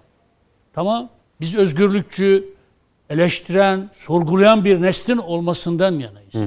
Ama aynı zamanda Üstad Necip Fazıl'ın dediği gibi ak sütün içindeki ak kılı fark edecek kadar da gözü keskin bir nesli. Bu ülkenin başına örülmek istenen tuzağı gören bir nesil. Z kuşağı içinde CHP'yi destekleyen var, Recep Tayyip Erdoğan'ı AK Parti destekleyen var, MHP'yi Büyük Birlik Partisi'ni. Dolayısıyla bir, böyle bir kategorizasyon siyaseti işte benim troll siyaseti dediğim Ama şey bu. Sayın Kılıçdaroğlu bunu son zamanlarda iyice arttırdı ama bu kutuplaştırıcı. Ben sizin yerinizde Çıkıyor. olsam bu kadar çok Kılıçdaroğlu'nu önemseyip her bir sözüne keramet biçip onu eleştirmekten yana olmam. Hakikaten söylediğinde bir keramet yok yani siyasetinde bir keramet yok. Ne söylüyor diye baktığında hiçbir şey söylemediğini görüyorsunuz. Son söylediği şey mesela şu, belki izleyenlerimizle de e, paylaşalım. Yani biz şey bu Türkiye'de büyük projelere e, hem dışarıdan hem de içeriden şeyler var, yatırımcılar var. Bu projelere sakın girmeyin diyor. Tamam diyor ama aynı Kemal Bey Paranızı ödemeyiz diyor. bak aynı Kemal Ya Bey İstanbul amaç- Büyükşehir Belediye Başkan adayıken Hı hı. Cumhuriyet Halk Partisi Ya bunu konuşmayalım şimdi bu cümleyi. hayır hayır bak Heh. bunu konuşalım da milletin önüne mukayeseler koyarak konuşalım. Yoksa Kemal Bey'i çok yüceltmiş oluruz yani. Büyükşehir Belediye Başkanı iken diyor ki bakınız bu parayı bu yatırımlar için bu parayı nereden bulacaksınız? Yap işlet diyor. devleti. E, yap işlet devlet modeli var diyor. Uluslararası şirketler var. Bunlar gelirler bu şekilde girerler alırlar diyor. Biz böyle yapacağız diyor. Şimdi Şimdiki sıkıntı ne? Şimdi bugün bunlara karşı çıkıyor. Yap işlet devlet modeline karşı çıkıyor. Bunun ihanet olduğunu söylüyor. İşte Kemal Bey bu. Konjonktüre göre konuşan siyasetçi siyasetçi değildir. İlkeleri olmayan, omurgası olmayan, fikirleri, fikriyatı olmayan siyasetçi siyasetçi değildir. Kemal Bey konjonktüre göre konuşuyor. Şimdi ve, ve tehdit ediyor. Bakınız. Evet işte, diyelim ki olan o yani. bakınız bu doğru Garip değil. değil ama o bilerek yapılan. Bu doğru değil. Uluslararası bir firma gelecek diyelim ki girecek Kanal İstanbul'a. Sen nasıl parasını vermezlikten gelebilirsin ya? Şimdiden seni tehdit ediyorum. Ya bir siyasetçi, bir siyasetçi böyle bir tehdit dili kullanır mı ya? Bir belediye başkanı tehdit dili kullanıyor siyasetçi. Neye güvenerek bunu Demek söylüyor? ki bunlar iktidarda olsalar zaten açıkladılar. Bir hemen ertesi günü muhalif bütün medya kuruluşlarını kapatacağız dediler. Onların sahiplerinden hesap soracağız dediler. Hatta iktisat profesörü olan genel başkan yardımcılarından, bayan genel başkan yardımcılarından biri dedi ki ya ne dedi adaletim adaleti dedi. El koyacağız ve hesabını göreceğiz. Yani TRT'de mahkemelere bile gerek görmüyorlar. Yani yasa- TRT'de de yargılayacağız dediler. Tabii istiklal mahkemeleri kuracaklar yani hukuk hukuka da gerek yok. Evet. Neye El koyacağız. söylüyorlar? Ya bunların genlerinde var. Bir şeye güvendiklerinden do- dolayı değil. CHP böyle bir siyasi gene sahip. Yani kendini bu cumhuriyetin sahibi, bu ülkenin, bu milletin efendisi olarak görüyor. Cumhuriyeti biz kurduk. Siz halkın çocukları geldiniz şimdi iktidara geldiniz kendinizi devlet zannediyorsunuz. Hayır biz kendimizi devlet zannetmiyoruz. Siz kendinizi hala devlet zannediyorsunuz. Bakınız Özgür Özel o gün çıkıyor bir gencecik kızımızın ya bütün bir dünyada medarı iftihar oluşturacak gencecik bir kızımızı başarısını e, alkışlayacağına efendim başörtüsü üzerinden bir de annesinin aidiyeti üzerinden e, cumhuriyet düşmanlığı yapılıyor diye bir ya bu cumhuriyet tercüman kimin cumhuriyetidir yani? Evet tercüman bir kızımızın, Fatma kızımızın. Şimdi bu cumhuriyet CHP'nin cumhuriyeti değil. CHP bu cumhuriyetin sahibi değil. Bu cumhuriyetin kurucu partisi falan da değil yani. Tarihsel olarak da yanlış yani. Kurucu olan Türkiye Büyük Millet Yani Meclisi ve doğru. Türk Milleti. Kurucu kurucu parti değildir CHP. Cumhuriyet Çok önemli bir ayrıntı. yani. Cumhuriyet ilan Nerede edildikten sonra CHP kurulmuştur. Onlar ayrı. Kendi tarihlerini de bilmiyorlar. Üstelik birileri çıkar sorar kendisine sen kimsin ya? Sen kimsin kardeşim annesine o zulmü yaptınız. Bütün bir milletin göz önünde. Sonra tanklarınızı yürüttünüz. Milletin seçtiği bir iktidara alaşağı ettiniz. Yasada mahkemelerinde milletin seçtiği başbakanlar astınız. Şimdi kalkıyorsun Cumhuriyet üzerinden parmak sallıyorsun. Hadsizliğin gereği yok. Hadsizliğin gereği Peki, yok. 3-4 dakika var. Araya gitmeden Onun için önce. ben Z kuşağını selamlıyorum. Peki. Bin kat daha özgürlükçü olun eğer bizi dinliyorsanız. Yani şu Asla. AK Parti sanki gençleri dikkate almıyor gibi. Hayır, Muhalefet böyle hayır. bir şey. sistematik bir 18 şey. yaşındaki gençlere seçme seçilme hakkı tanıyan tek parti AK Parti'dir ya. Biz Sokağa gençlerin çıkalım, Evet. mikrofonu uzatalım. Birçok gence soralım. 18 yaş altına seçme seçilme hakkını bu ülkede kim verdi diye soralım. ya biz Bilen bilir hani Biz- gündem takip eden. biz gençlerimize sonuna kadar güveniyoruz. Gençler sizden daha fazla özgürlükçü olmanızı istiyoruz. Size sunulan şeylerle yetinmeyin. Size verilen dogmaları kabul etmeyiniz. Hep eleştirin, hep sorgulayın, hep düşünün. Sakın yani Zaten biz gen- böyle bir nesil gençlik zaten Kesinlikle. böyle bir şey. Hani Tabii. delikanlı 60'lı dediğimiz. kuşaksınız değil mi? E, tabii yani şimdi Ya Zaten, Sayın Alfatlı. bakın bizler de genç Sizin olduk. gençli, gençlik yıllarınızdaki yasakları şu an anlarsanız. şu an Yani şimdi böyle bir şey gençler- olabilir mi? Tabii ki genç zaten dinamik olacak, aktif olacak, hareketli olacak, e, üretecek, e, ayrı bir fikirde olacak, farklı fikirde olacak, muhalif olacak ama bu şu anlama gelmiyor. Yani genç birilerine tabi olacak. Genç birilerinin güdümüne girecek. Genç is- istediğini istediği istediği genci dizayn edecek. Böyle bir şey söz konusu değil. Bakın şimdi az önce e, belki sözü aldım ama Büyük Birlik Partisi e, bir gençlik hareketi aynı zamanda. Tabii ki. Yani bizler e, bizler gençlik yıllarımızdan itibaren siyasetin içinde Anadolu insanının iktidara uzanan eli olma adına siyaset yapmaya çalışıyoruz kendi Sayın imkanlarımızla. Cumhurbaşkanımız yani Tabii gencecik ki. yaşında Bakın başladı. e, Bugün Alperen Ocakları Vakfımız var. İşte hangi kuşağı koyuyorsun? Gençlerimiz. Bunlar milli, yerli, sivil, İslami hepsi çalışıyor, hepsi okuyor, hepsi bir şeyler üretiyor ve milletin bu milletin de Allah'ın izniyle geleceği, bu milletin istikbali zaten gençlerimiz. Biz kime emanet Siz peki böyle bir hava oluşturulduğunu düşünüyor musunuz? Yani şöyle tabii bu Muhalefet bakın, tarafından. Şöyle bu Yani kolaycılık gençler üzerine oynayan Tabii ve ki, orayı e, orayı manipüle etmeye çalışan bir siyaset Şöyle bakışı var. e, tabii ki bu kolaycı bir siyaset. Yani şöyle kolaycı bir siyaset. Neticede 18 yaşında bir gencimiz eğer oyunu kullanacaksa e, bu iktidar döneminde yani 18-19 yıllık AK Parti iktidarı döneminde doğmuş ve oyunu kullanacak. E, eskiyi bilmiyor. Bir de geçmişi milletvekili bilmiyor. seçilebiliyor bakın yani. bilmiyor derken yanlış anlaşılmasın. Gençler bizi buradan izliyor. Bilmiyor derken yaşamadığı için bu alanı bilmiyor. Doğru. Yoksa hepsi dünyayı biliyor e, uluslararası e, iletişimleri e, bizlerden çok daha fazla. Bu anlamda bir tecrübeleri yok ama zaten genç dediğimiz mekanizma e, tam da böyle olması gereken bir mekanizma. Hiç kimse onları çantada keklik kaba tabiriyle parantez içinde söylüyorum zannetmesin. Kategorize On- etmesin. Kesinlikle kategorize etmesin. Onlar bakın seçimlerde en doğru kararı veriyorlar. Muhalefet ediyorlar, itiraz ediyorlar. Yani ben bir kısım e, e, bu troll dediğimiz kesimi zaten onları ben onlar zaten varlıkları yok. Kendileri yok zaten. Doğru yok. Dolayısıyla ben onlara onları yok kabul ediyorum ama varlığıyla, kendisiyle, özgül ağırlığıyla irade koyan, kendisini ortaya koyan gençlerimiz zaten o dönem geldiği zaman e, basiretli ve ferasetli bir şekilde davranış içerisinde bulunuyor. Yoksa ama bakın en kolay siyaset anlayışı, en kolay e, şunu anlatmaya çalışıyorum. Tabii ki iktidarın eksikleri var mıdır? Vardır. 18 yıllık, 19 yıllık bir iktidar. Tabii ki iletişimde mutlaka sorunları vardır vesaire. Biz bunları zaten söylüyoruz. Eksikleri, yanlışları, efendim olması gerekenleri söylüyoruz. Dünya çok hızlı değişiyor. Doğru. Yani 30 yıl önce bilgi, bildiklerimiz şu anda belki bilmediklerimiz. Dolayısıyla sadece siyaseti karşıtlık üzerinden yaparsanız bakın muhalefet maalesef şunu yapıyor. Sadece siyaseti karşıtlık üzerinden yapıyor. Evet. Bugün bir şey söylüyor. Yarın öbür gün hep karşıtlık üzerinden yaptığı için karşısındaki yanına geldiği zaman da karşısına geçiyor. O yüzden bu zikzaklar var. Peki. O yüzden bu e, siyasi süreçte e, ayakları yere basan projeler yok. Çünkü ötekisi çok kolay. Açıkçası hani hepimiz de aslında onu duymak istiyoruz. Belki hani muhalefet Sayın Metiner de konuşmasında ya hani bunları konu hani bunları konuşacağımıza tamam muhalefet bunu beğenmiyorsa ne sunuyorsun vatandaşa? Bize ne sunuyorsun? Mesela İktidara biz öneriyorsun? 18 Ya yaşta ben meclisteydim. Evet. Seçme seçilme hakkı Aydın Bey, getirdiğimizde ikinci bölüme başlarken size vereceğim sözü. Hiç unutmayın. ben meclisteydim. CHP e, ve diğer partiler şiddetle buna karşı çıktılar. 18 yaşındaki insan nasıl seçilebilir? Nasıl milletvekili olabilir? Yani bu doğru değil bakınız. İki, gençlerimizin hepsi saygıdeğerdirler.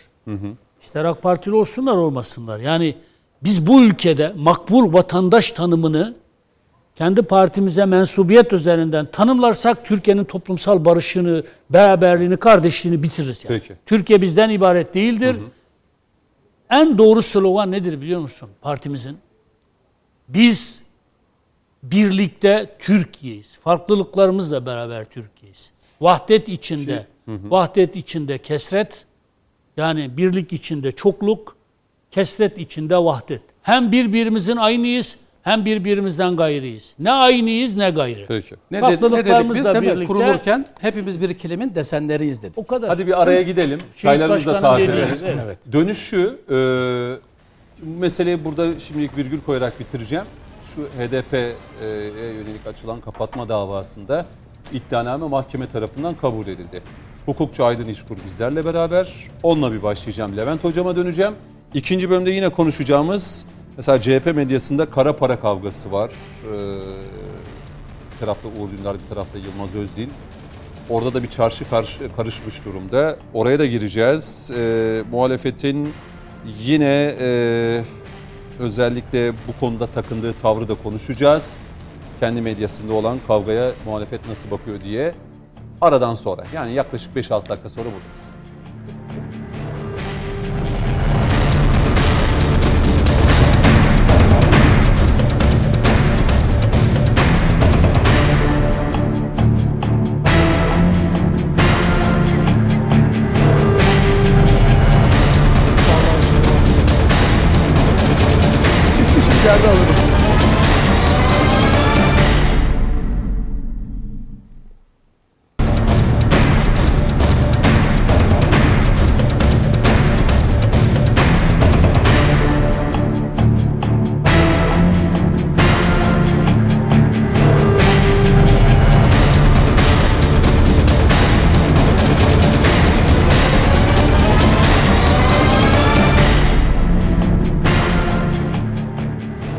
Devam ediyoruz. Konuşmak lazım da konuşuyoruz. Arada bile konuşuyoruz değerli izleyenler. Onun altını çizelim. Ee, Aydın İşkur hukukçu, e, Doktor Levent Ersin Oral da bizle birlikte.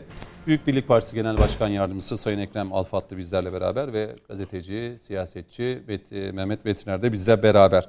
Bu bölüme başlarken HDP e, konusuna gireceğimizi söylemiştik. İddianame Anayasa Mahkemesi tarafından kabul edildi ve sürecin nasıl işleyeceğini hep beraber göreceğiz. Ee, sanırım Anayasa Mahkemesi bir gün verecek öyle gözüküyor. Aydın Bey siz de başlayalım isterseniz. Ee, tabii muhalefet ısrarla HDP'nin kapatılmaması gerektiğini e, belirtiyor. Ee, özellikle Sayın e, Kemal Kılıçdaroğlu bu yönde hep görüşlerini beyan ediyor. Ee, terörle bir illiyetinin ya da bağının olmadığını da çok böyle açık olmasa da üstü kapalı bir şekilde ima ettiğine de bazen şahit oluyoruz Sayın Kılıçdaroğlu'nun.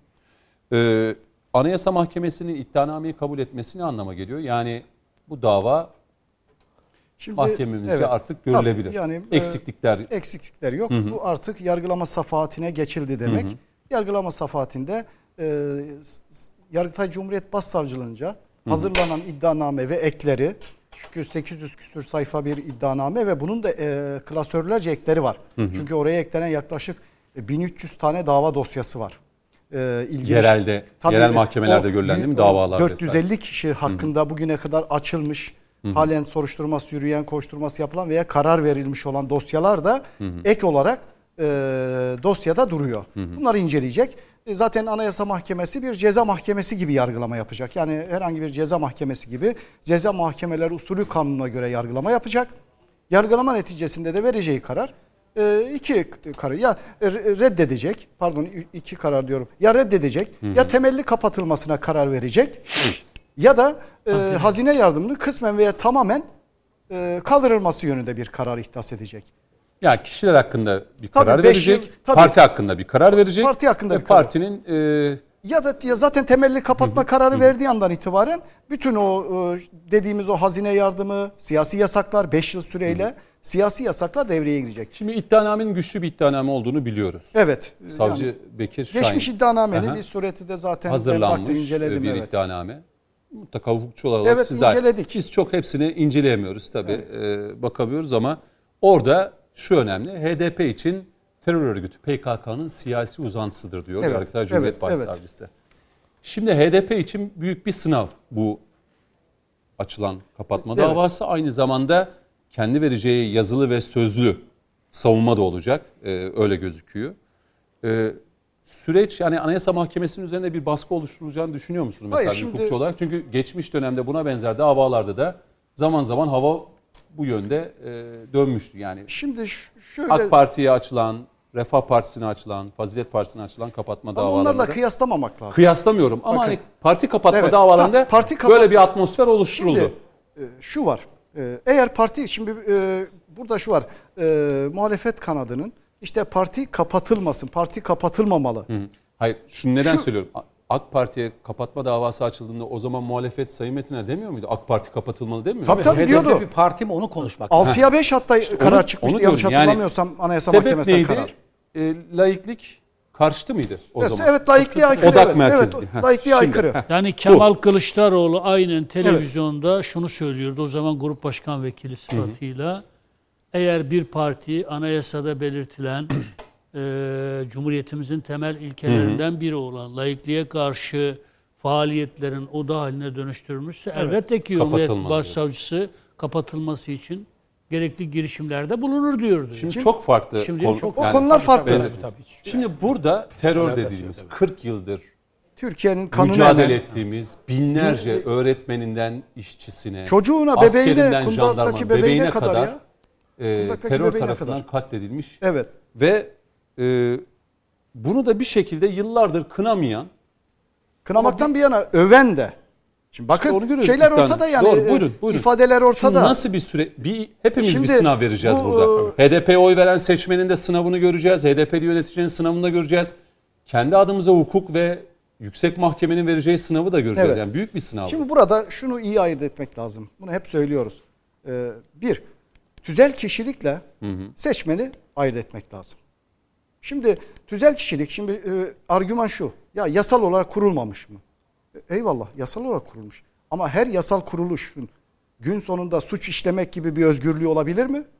Olamaz. Siz o anayasada 68'e 4'te belirtilen siyasi partilerin uyması gereken kurallar. Mesela siyasi orada ne diyor? Devletin ülkesi milletiyle bölünmez bütünlüğü.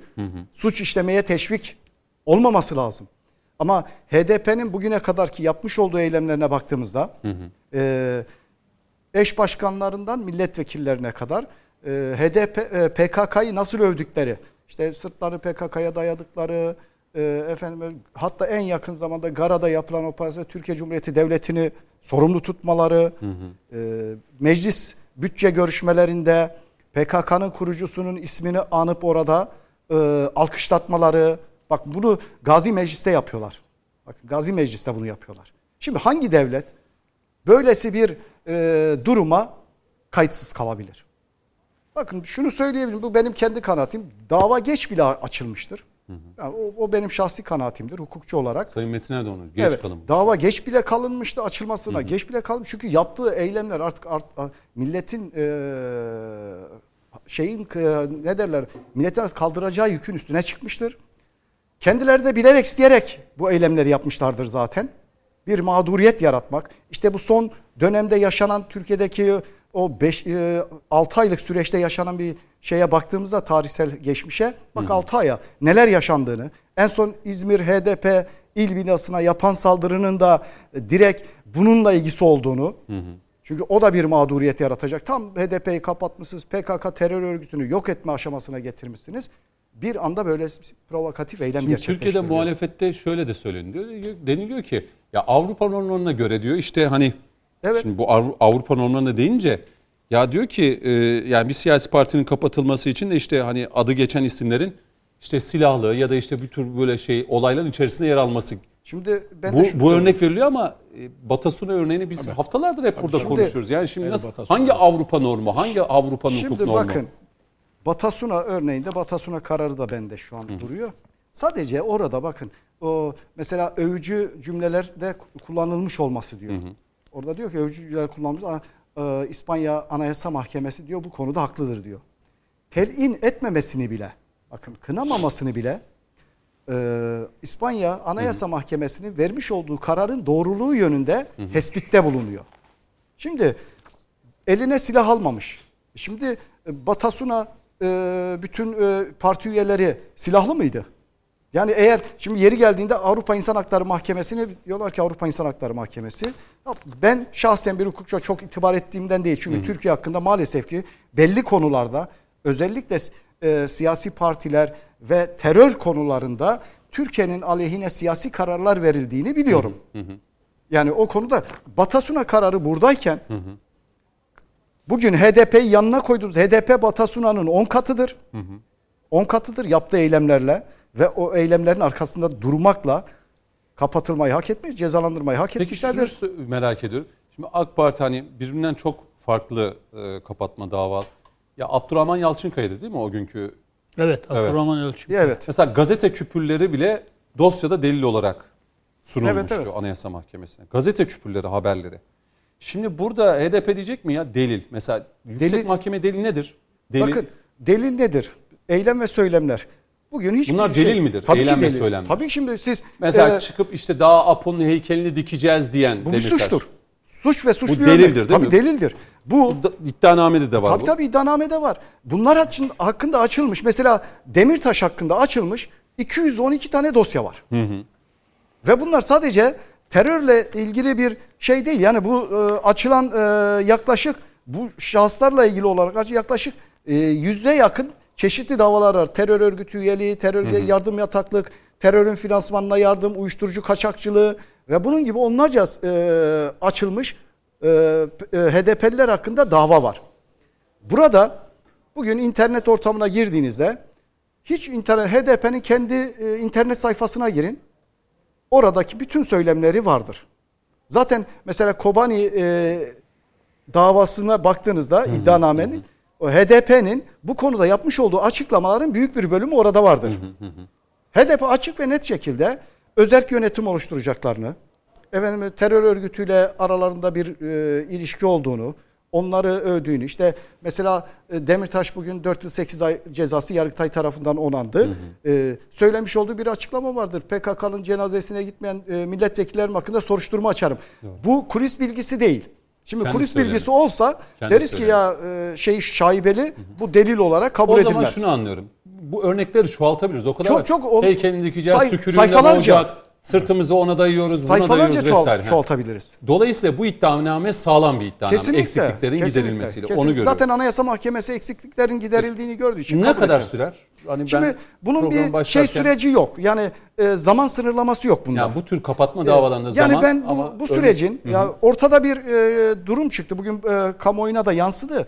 Anayasa Mahkemesi anayasadaki e, kapatma oranıyla yani 3'te 2 oranla siyasi partilerdeki 5'te 3 oranında bir farklılık oldu. Bu farklılığı giderme yönünde bir e, kendi içinde bir dava açacağı, daha doğrusu dava açmak yerine o çelişkiyi gidermek yönünde bir karar vereceği, siyasi partiler kanununun o maddesini iptal edip anayasanın 149'a göre 3'te 2 çoğunlukla kapatmaya karar verileceği yönünde bir e, yola gideceği.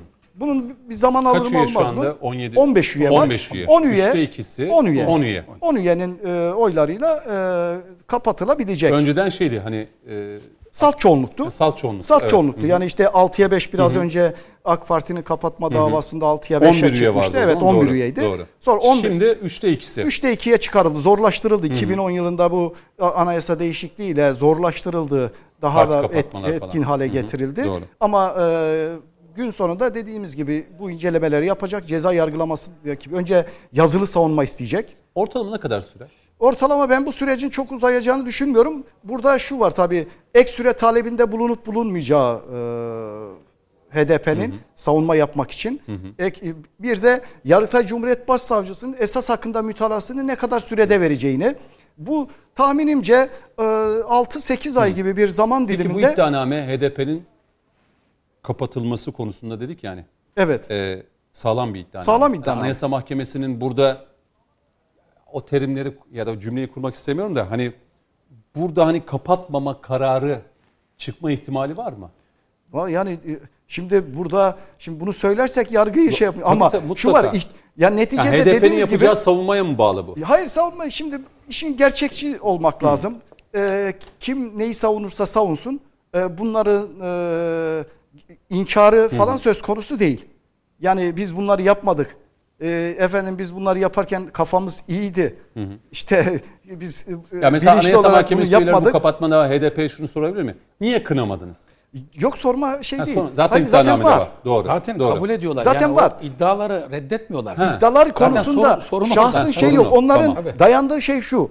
E, parti kapatma hikayesi. Anladım. Parti kapatılamaz Anladım. hikayesi. Yoksa kendi argümanları konusunda yani söyledikleri terör sevici, teröre destek, terörle iç içe olma durumunu inkar etmiyorlar. Peki. Zaten e, Mithat Sancar da en son yapmış olduğu işte e, ge- genel kurulda seçildiğinde yapmış olduğu açıklamada e, yine bebek katili Öcalan'a selam göndermişti mesela. Yani bunların iç içe girmiş bir hali var. Birbirlerini de inkar etmiyorlar zaten. Zaten e, milletvekilleri veya belediye başkanlarını HDP e, MYK'sı ve HDP'nin genel merkezi de belirlemiyor. Kandil'den belirleniyor. Biz bunun en canlı örneğini 2019 yerel seçimlerinde görmedik mi?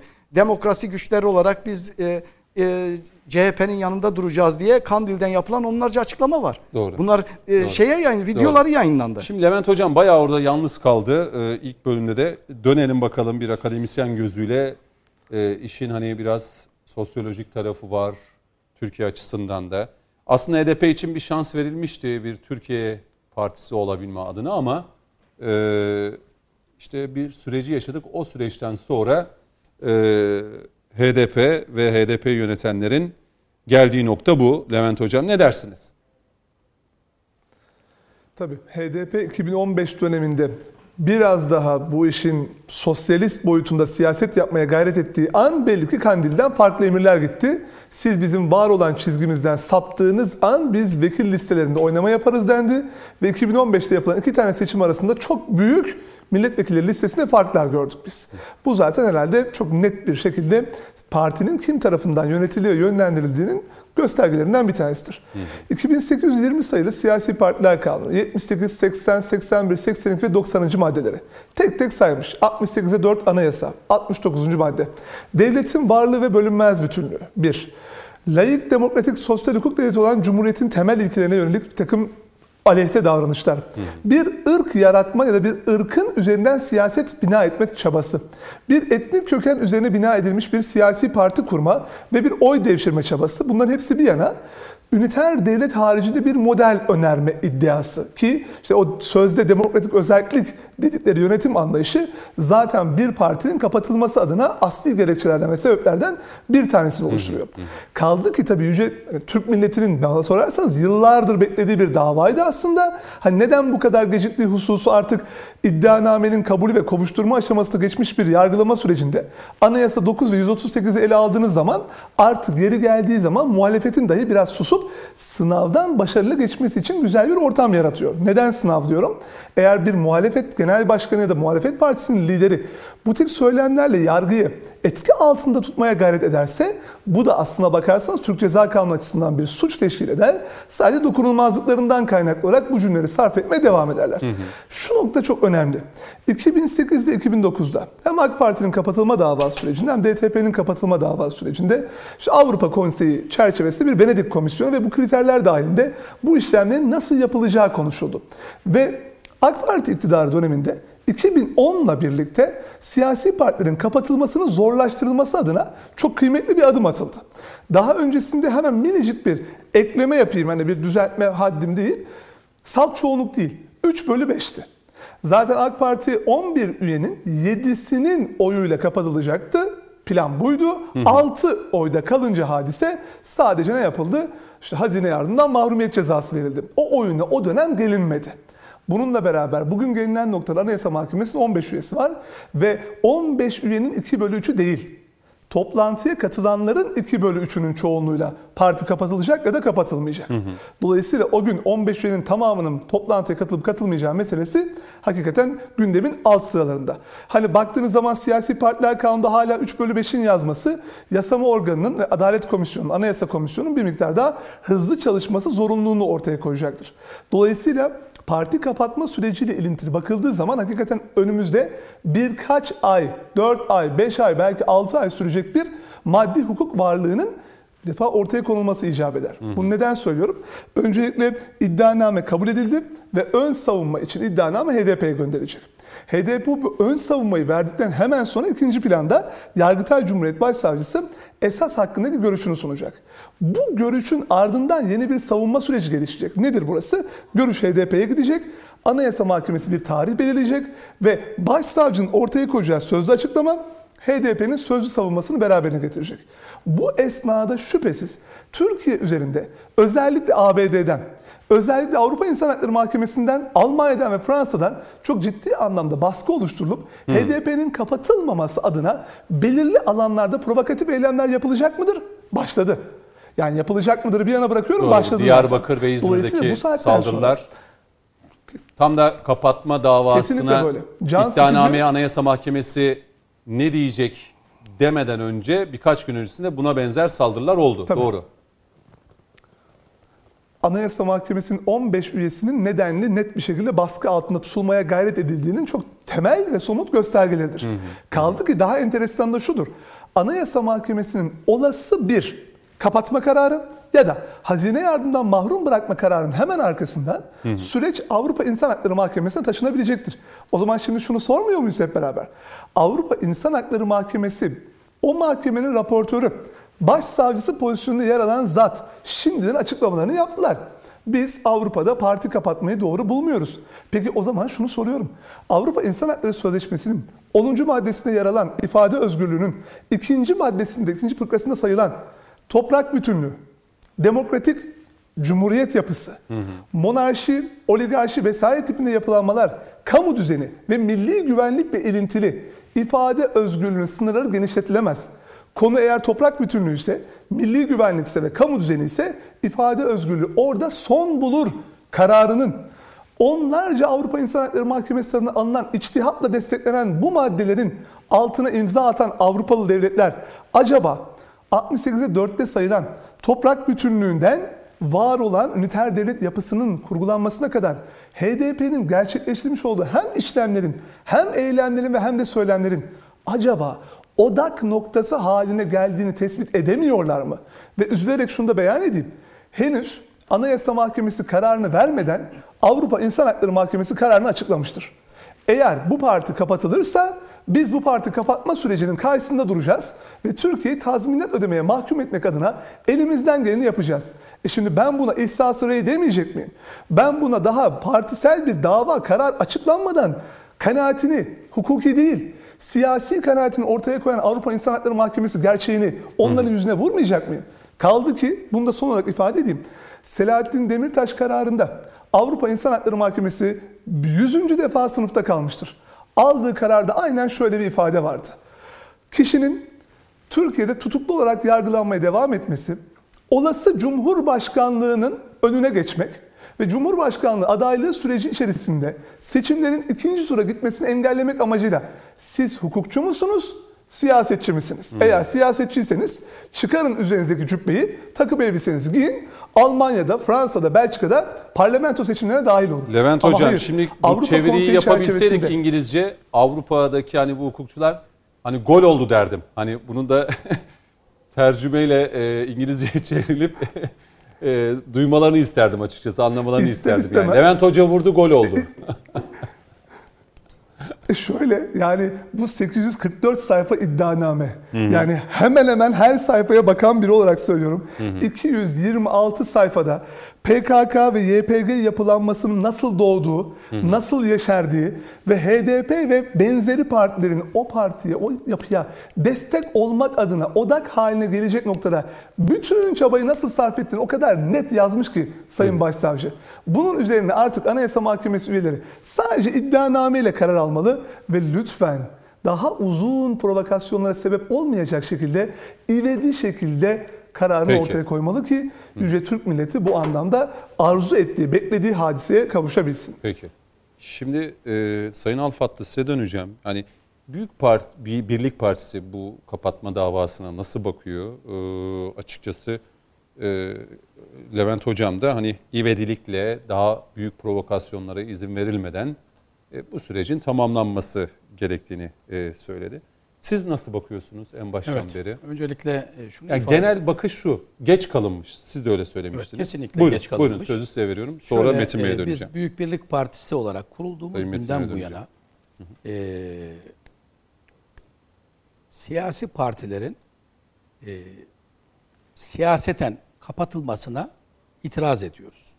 Ancak HDP denilen terör örgütünün uzantısının bir siyasi parti olup olmadığını burada aslında konuşmak lazım. Yani e, Orta Doğu'nun en vahşi terör örgütü PKK'nın şubesi gibi çalışan ve üzülerek şunu görüyoruz ki e, az önce bahsedilen iddianamedeki o delillere de hiçbir şekilde itiraz etmeyen hatta hatta bunları savunan bunlarla gurur duyan e, bir terör örgütünün uzantısı olarak görüyoruz biz HDP'yi. Dolayısıyla bu yargılamanın da kesinlikle siyasi bir karar değil, hukuki bir karar olarak görüyoruz. Bunu da şunun için ifade etmek istiyorum. Karar verdikten sonra Anayasa Mahkemesi bu tartışmayı muhalefet başlatacak Muhalefet değil mi? başlıyor. Siyasi. Şimdi- şimdiden Şimdiden diyor zaten. Dolayısıyla- Hatta şöyle söyleyeyim. En baştan şu söyleniyordu. AK Parti ve MHP davayı açsın diyorlardı. Asla ve asla Halbuki böyle bir şey yok hukuken değil mi? Yok hukuken var. Ya Vardı, anayasada hukuken de var. vardı. Partilerin de vardı, e, başvuru hakkı var ama o, o bilerek yapılan bir şeydi. Ha, anladım. Meseleyi Aslında- siyasa, Doğru, siyasete yani siya, bak siz açtınız. var, Siyasi olarak hareket e, edildi tırnak evet. Büyük. Türk milletinin 85 milyonun HDP'ye vermiş olduğu o avanslar, o, o e, nasıl söyleyeyim size tavizler, o hoşgörü maalesef onlar hep bu milletin aleyhine, bu milletin düşmanlığına, bu milletin birlik beraberliğine kastetme noktasında kullanmışlardır. Bakın anayasanın 68, 60, hukukçularımız bahsetti. 84 ve siyasi partiler kanunu 101, 103, 107 ve diğer maddeleri zaten böyle bir oluşumun parti olarak söylemiyorum. Böyle bir örgütlenmenin zaten kapatılması gerektiğini ifade ediyor. Ee, hiçbir medeni ülkede, hiçbir Avrupa ülkesinde, e, hiçbir demokratik ülkede böylesine bir terör yapılanmasına asla müsaade etmez. Avrupa'da hani insan hakları, özgürlükler vesaire e, naralar atanlar var ya. Bakın e, az önce bahsettik. Avrupa İnsan Hakları Mahkemesi'nin Batosuna ve Harry Batosuna az, az önce bahsedildi. E, HDP'nin e, yaptığı suçlar bu millete verdiği zulmün yüzde biri bile yoktur orada. Ki o Avrupa İnsan Hakları Mahkemesi onu kapatılmasını e, kabul etti. Şimdi ben şunu ifade etmek istiyorum. Biz de dağdaki terörist kravat takınca e, hemen e, masum mu oluyor? Yani böyle bir algı mı var? Böyle bir şey mi var? Dolayısıyla e, bu provokasyonların olacağını biz de düşünüyoruz. Provokatif eylemlerin olabileceğini başladılar. E, ve Büyük Birlik Partisi olarak e, HDP'nin PKK terör örgütü 2014 yılında eylemlere başlayan ve bizim binlerce, on binlerce masum vatandaşımızı, bakın burada e, o yörenin vatandaşlarına da bunlar zulmetti. En fazla yani bunlar da en fazla onlara zulmetti.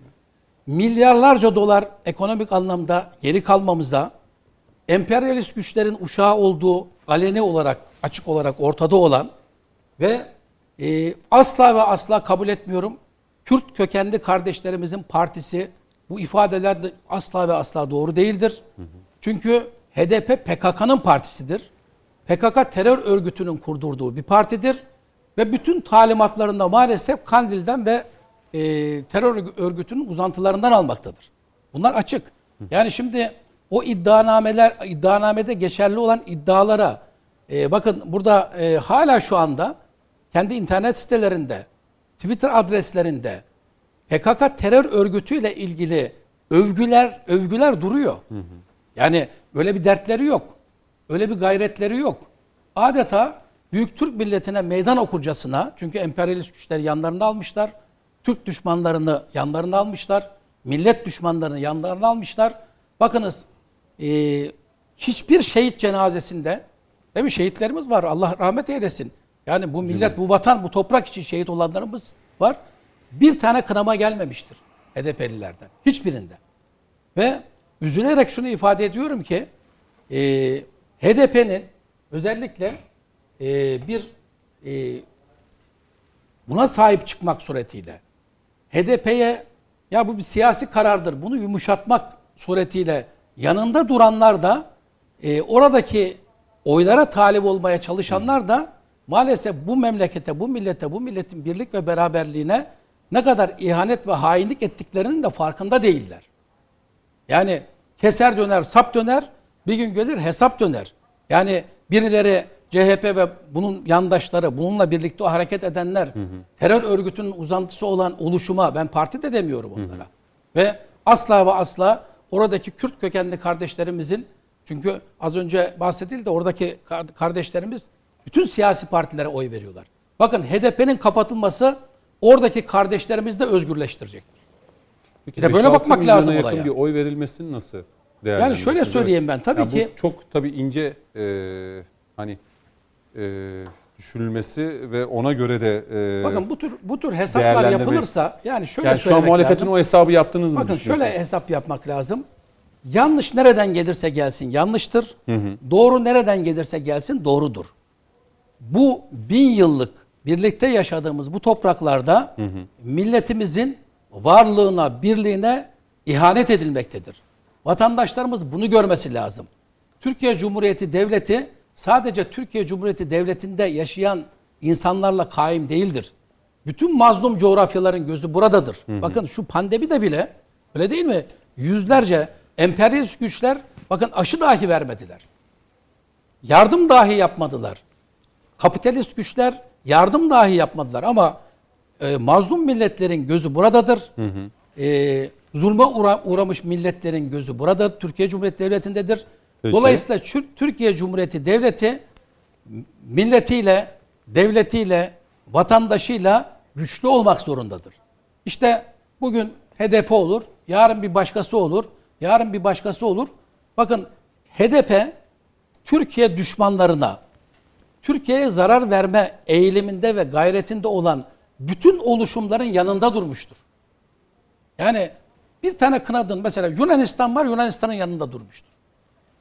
Karabağ en kon. en Karabağ'da son. bakın Ermenilerin yanında durmuştur. Dolayısıyla ben buradan şunu ifade etmek istiyorum. Alayım son Ee, cümleni. de. kesinlikle e, bu bir siyasi karar değildir. Hukuki bir karardır. Geç kalınmış bir karardır. E, bize göre 481 milyon TL 5 tane siyasi partiye e, anayasanın 68. maddesine göre adaletsiz bir şekilde yapılan e, siyasi partilere yardım e, bakın 2021 yılında 57 milyon 550 bin lirası da bu terör örgütüne yapılmıştır. Terör örgütünün partisine yapılmıştır. Dolayısıyla biz zaten bu yardımın da sıfırlanmasını istiyoruz Sürecin sonunda Ee, kapanması. ve Öylesi. acilen kapanmasını bekliyoruz. Peki. Bunun üzerinden siyaset yapmak, oy devşirmeye çalışmak, bunun üzerinden farklı politikalar üretmeye çalışmak e, olsa olsa bu millete ihanettir. Peki. Yani burasını şura- şöyle tamamlamak Tabii. istiyorum. Ee, siyasi parti olarak görmek başlangıçta yanlıştır. Yani yanlış yoldan hani diyoruz ya gömleğin ilk Siz en baştan ilk- beri HDP'yi bir siyasi parti olarak görmüyorsunuz. görmüyoruz. Peki. Bakın yaptıkları ortadadır. Eylemleri ortadadır. Ee, ve bunlar bunlardan da asla bu yaptıklarından da asla burada bir sürü e, beyanatları var. Asla da geri durmamışlardır. Zaten bunlar bunları e, övünerek ifade Peki. ediyorlar. Övünerek bunları söylüyorlar ve bize göre acilen kapatılması gerekir. Hukuken kapatılması gerekir. Savcılarımızın da mahkemelerimizin de bu konuda yürekli ve kararlı olmaları lazım. Peki. Yani siyasetçilerimiz de bu anlamda e, bunun üzerinden oy devşirmeye çalışıp o, oradaki hukuki sürece de müdahale etmemeleri Peki. lazım. Bir ifade etmek Şimdi e, iddianamede hani ben e, tam hepsine bakamadım ama ya iddianamede mesela Diyarbakır anneleri bile bence başlı başına bir şey. Tabii o Diyarbakır. Var değil mi Diyarbakır Tabii, tabii, annelerine? Tabii, tabii. Şimdi o Diyarbakır annelerin mesela e, e, çocuklarının HDP'ye gidip HDP'den de arka kapısından e, terör örgütlerine nasıl teslim edildiği konusu. Evet. Yani şimdi onlar da e, ek klasör halinde. Değil mi? Tabii ek klasörlerde e, çünkü ciddi bir e, yekün var. Hani dosyası delillerden var. bahsediyoruz ya Evet, evet. oradaki o evlat Tabii. nöbetinde anne ve babaların Diyarbakır HDP binası önündeki duruşu bile Tabii. bence O başlı duruş- başına zaten da o duruştaki çok değerli kas- ve kıymetli Tabii, bence. Hani o bu- duruş sadece çocuklarını istemek değil. O duruştaki şey biz çocuklarımızı HDP aldı arka Tabii, kapıdan aldı, götürdü. götürdü. Daha- yani burada e, eleman devşiren bir örgüt statüsüne geçiyor. Terörümüze destek veren bunu bir da özellikle hani belirteyim Evet, dedim. evet. Hani şeyler- uyuşturucu, insan kaçakçılığı, her türlü suç unsurunu barındıran bir tehlikeli bir örgüt. Peki. Hepiniz konuştunuz. Şimdi Sayın Metiner de e, dinledi hepinizi. Şimdi kendisine de bir süre vereceğim. E, sözü kendisine bırakacağım. Hem Sayın İşkur, hem Sayın Alfatlı, hem e, Levent Hocam geç kalınmış bir karar ve İvedilik'te de Anayasa Mahkemesi'nin e, HDP'yi kapatması gerektiği yönünde de e, hukuki anlamda, siyaseten değil hukuki anlamda bunun İvedilik'te olması gerektiğini. Siz ne düşünüyorsunuz? Ee, öncelikle düşüncelerimi derli toplu bir biçimde takdim edeyim. İzleyicilerimiz ariftirler, ne dediğimi anlarlar. Şimdi e, hep şöyle bir e, şey var. Sanki HDP kendi başına kurulmuş bir siyasal parti. Hı hı. Zaten PKK e, terör örgütü var ama HDP kendi başına kurulmuş bir siyasal parti olduğu için HDP'nin sosyolojisine, siyaseten ihtiyaç hissediyor. Dolayısıyla işte PKK'ya e, sev- sempati besliyor. Yani HDP PKK ilişkisinin böyle bir ilişki olduğunu mesela kimisi uzantı diyor. Yani sanki işte HDP müstakil bir parti. Birileri bir araya gelmişler. Kendi başlarına karar vermişler. Bir parti kurmuşlar. Ama öte yanda da PKK diye bir terör örgütü var. HDP'de siyaseten oy devşirmek için PKK'ya yeşil ışık yakıyor. Aslında PKK'lı değil. PKK ile organik, inorganik hiçbir ilişkisi yok. Aidiyet bağı yok ama e, işte oy devşirmek için, o sosyoloji üzerinde siyaset yapmak için sempati besliyor. Dolayısıyla da PKK'nın terörüne ses etmiyor. Birileri böyle bir şey varmış zannediyor. Bu doğru değil. Doğru değil yani. Bunun doğru olmadığını zaten kendileri de söylüyorlar. Bakınız. Doğru PKK PKK ilişkisindeki doğru şudur. Bir, PKK Kandil'de eline silah tutuşturduğu bir takım unsurlar var. Ondan sonra diyor ki bir de siyasi parti kuracağız diyor. Türkiye'de de medya kuruluşları var. İşte finans, terörün bütün ayakları. Bu anda diyor ki ben bu parti kuruyorum. Yani HDP Kandil'de PKK tarafından kurulmuş, kurdurtulmuş, onun talimatlarıyla hareket eden bir partidir bu.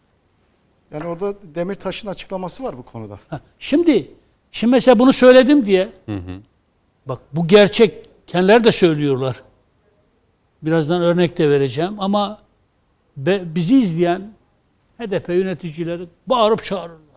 Mehmet Metiner ispiyonculuk yapıyor. Ya bunu zaten bu, dünya alem biliyor. Yani bu gerçek bu. Hiçbirinizin bir iradesi yok. Yani o HDP yöneticilerinin politika belirleme konusunda bir iradeleri yok. Belirlenen politikaları sadece icra ediyorlar. İşin realitesi bu. Şimdi bunu söylediğin için sana kızıyorlar.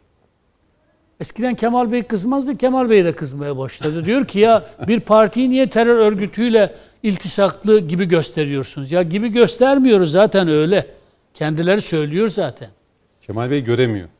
Görüyor. Görüyor. Pek çok şey gördüğü gibi bunu da görüyor. Bal gibi görüyor da. İyi görüyor. Ama işte iplerini elinde Politik tutan. olarak göremiyor. Ee, şimdi bakınız. Mesela daha bugün bir açıklama geldi. Kandil'den. Çok öncesine gitmeyeceğim. Kandil'de bu açıklama yapan PKK'nın üst düzey bir yöneticisi diyor ki Ey Millet İttifakı kendi aranızda artık uzlaşın ya. Yani Cumhur İttifakı'na karşı uzlaşın diyor. Bir. İki, HDP'ye sonuna kadar desteğimiz devam ediyor. Sonuna kadar HDP'nin arkasındayız. Şimdi eğer PKK'nın bir partisi yoksa niye Türk siyasetiyle bu kadar çok ilgili? Niye Türk siyasetini kendine göre şekillendirmeye çalışıyor? Hadi İmamoğlu'na verdiği destek açıklamasını bir tarafa bırakıyor.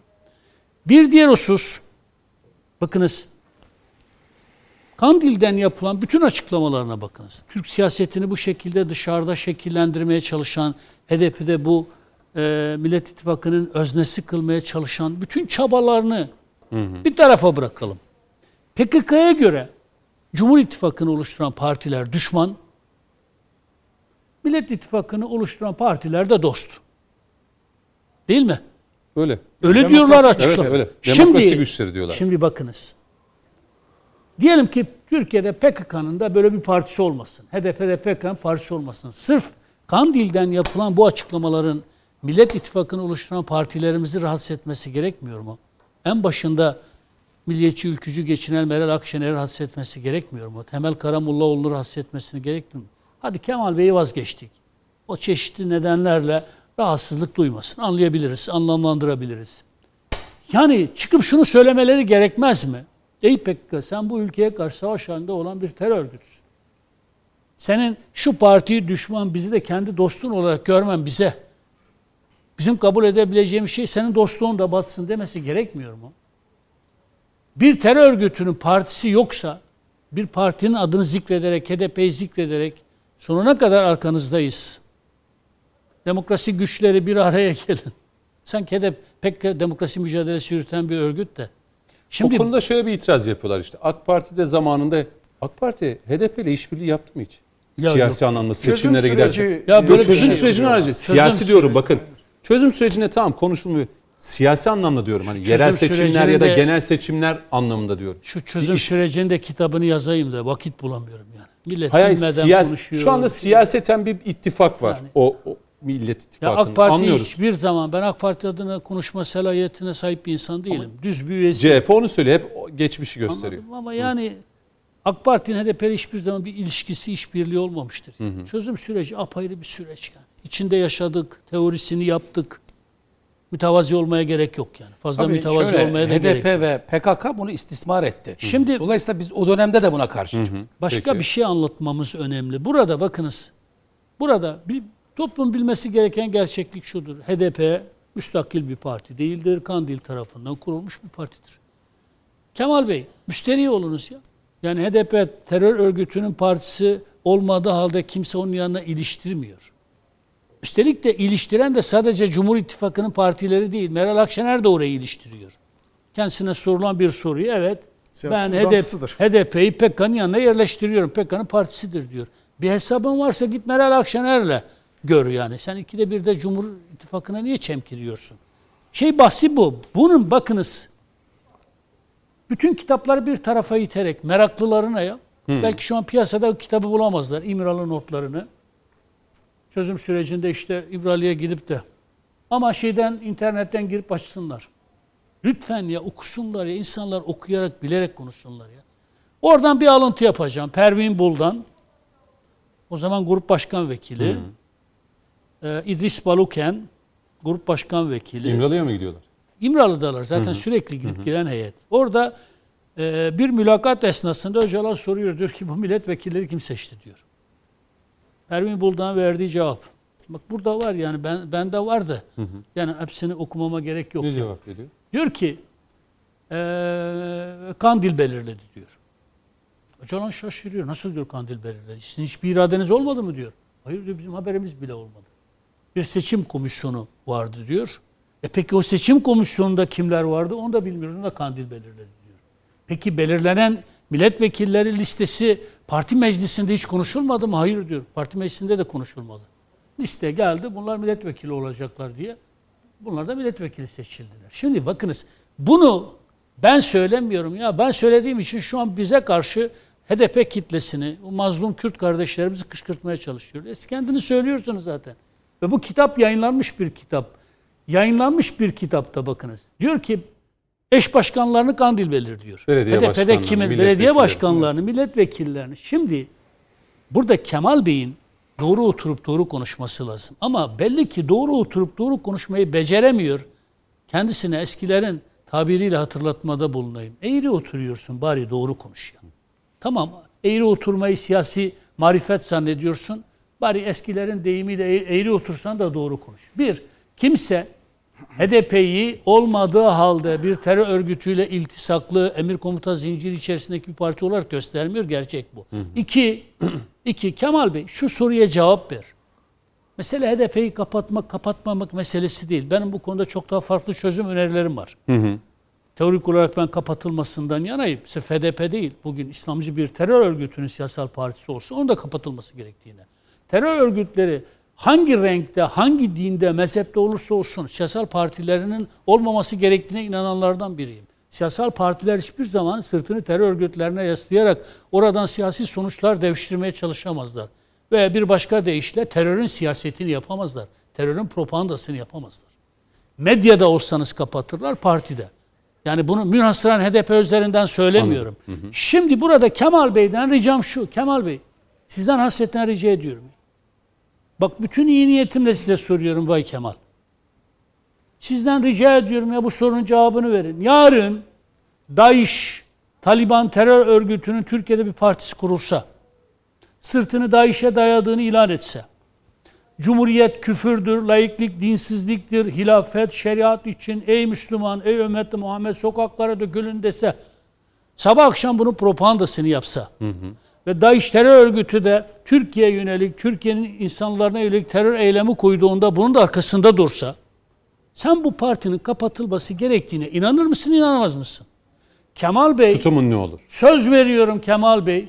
De ki DAEŞ'in de böyle bir partisi olsa, yarın FETÖ'nün de böyle bir partisi olsa, ben prensip olarak bu partiler de kapatılmaması gerektiğine inanıyorum derse, ha o zaman derim ki Kemal Bey, canım kardeşim, sen hala Merve Kavakçı'dan ne istiyorsun? Hadi Merve Karakçı, Merve Kavakçı ile bir türlü hesaplaşamadın, o kinini dindiremedin. Onun gencecik kızından ne istiyorsun ya? Ağzını açıp konuşmadı. Orada tercümanlık yapıyor. Sen onun başörtüsü üzerinden hala bir düşmanlaştırıcı dil kullanıyorsun. Ama HDP'ye gelince HDP'nin PKK ile olan iltisakını bildiğin halde kapatılmaması gerektiğini söylüyorsun. Kemal Bey şu sorunun cevabını ver. De ki yarın Mehmet Metiner'in çerçevelediği şeklinde İslamcı, DAEŞ'in, dinci, Taliban'ın bir partisi de kurulsa, sabah akşam Atatürk'e hakaret de etse, küfür de etse, hilafet, şeriat da istese, toplumu tahrik de etse, sokaklara dökse de siyasal bir parti olduğu için ben bunun kapatılması gerektiğine inanmam. Onları da savunurum. Diyorsa deriz ki Kemal Bey sen ilkeli bir siyasetçisin evet HDP'nin de kapatılmasına karşı çıkarken bu ilkeli siyasetinden dolayı seni tebrik ediyoruz. Ama Peki. Kemal Bey, Kemal Bey AK Parti'nin kapatılması gerektiğini laiklik üzerinden savunuyor. 15 Temmuz'dan sonra FETÖ'nün siyasi ayağını bulmak konusunda hafiyelciliğe soyunuyor. İyi ki bul, bulamadı yani. Bir de bulsaydı ne e, diyecekti orada merak ediyorum. şey var şimdi orada hatırlarsanız orada bulmadı ya şimdi orada işi kolayına da kaçtı e, Kılıçdaroğlu tuttu e, mecliste e, siyasi ayak Erdoğan'dır dedi. Ha diyelim ki Erdoğan olsun. Öyle ha- değil de hatta- Erdoğan yok olsun. değil ama yani kendince e, çıkış Peki yolunu ne öyle olacak? buldu. AK Çıkış yolunu Parti'nin- öyle buldu. Çünkü Tamam, AK Parti bulamayınca olsun. AK Parti'nin kapatılması gerektiğine inanmıyorsan ne diye sen siyasi ayağı arıyorsun? Buradaki çelişkiyi Kemal Evet. Bey artık gidermeli. Bir diğer husus bu 6 milyon oy meselesine Şimdi bakın. kritik soruyu soracağım. Bir cümle Ondan devam edin. Tabii. Hepinize reklam arasına gidene kadar görüşünüzü merak ediyorum. Kritik soru şu. HDP şu an kapatılma davası açıldı ve Anayasa Mahkemesi tarafından bu iddianame kabul edildi. HDP'ye oy verip de HDP'nin şu anda terör örgütü PKK ile bu kadar iç içe olduğunu görüp HDP'nin kapatılmasını isteyen HDP seçmeni var mıdır? çok zor bir soru sordun ya. Var tabii ki. Hadi Olmaz bakalım. olur mu? Yani Şimdi ben şey söyleyeyim bakınız. hani seçmenleriniz ya oy. Hani ben de bu soruyu Ben özellikle oy üzerinden değil. yani keşke araştırma şirketleri bunu da yapsa mesela. Evet, şimdi, E, seçmeni. O ben konuda burada şunu söyleyebilirim. Bu Mehmet çok Bey, önemli cümlemi çok tamamlayayım. tabii, Analiz hemen tamamlansın. Çünkü Araya gitmeden hepinizden bir Ee, görüş almak bakınız, isterim. Evet. Bakınız. Biz yıllar yılı bu ülkede fikir imal eden insanlar hep bir şey söyledik. Bakınız. Kürt halkının kimliğini inkar eden, dilini yasaklayan, kültürünü dışlayan bu resmi paradigma PKK'yı besliyor. PKK bir Kürt örgütü değil. Ama Kürtlerin taleplerini bir mobilizasyon aracı olarak kullanan Marksist, Leninist, Stalinist bir örgüt. Bak eğer o dönem AK Parti'nin, Recep Tayyip Erdoğan liderimizin Kürt sorunu vardır. Dilin önündeki yasaklar, inkar, asimilasyon diye tanımladığımız 90'lı yılların da acımasız devlet kıyıcılığını ortadan kaldıran politikalarını kaldırmış olsaydı PKK asla yaşayamazdı. Asla biterdi, sönümlenip giderdi. Biz o zaman hep bunu söyledik. Bu bataklığı kurutun, PKK kendiliğinden sönümlenip gider. Yapmadılar. Ama biz bataklığı kuruttuğumuzda artık PKK uluslararası bir örgüte dönüşmüştü. Dolayısıyla 80 darbesi sonrasında. dolayısıyla bakınız bugün PKK'ya bakınız.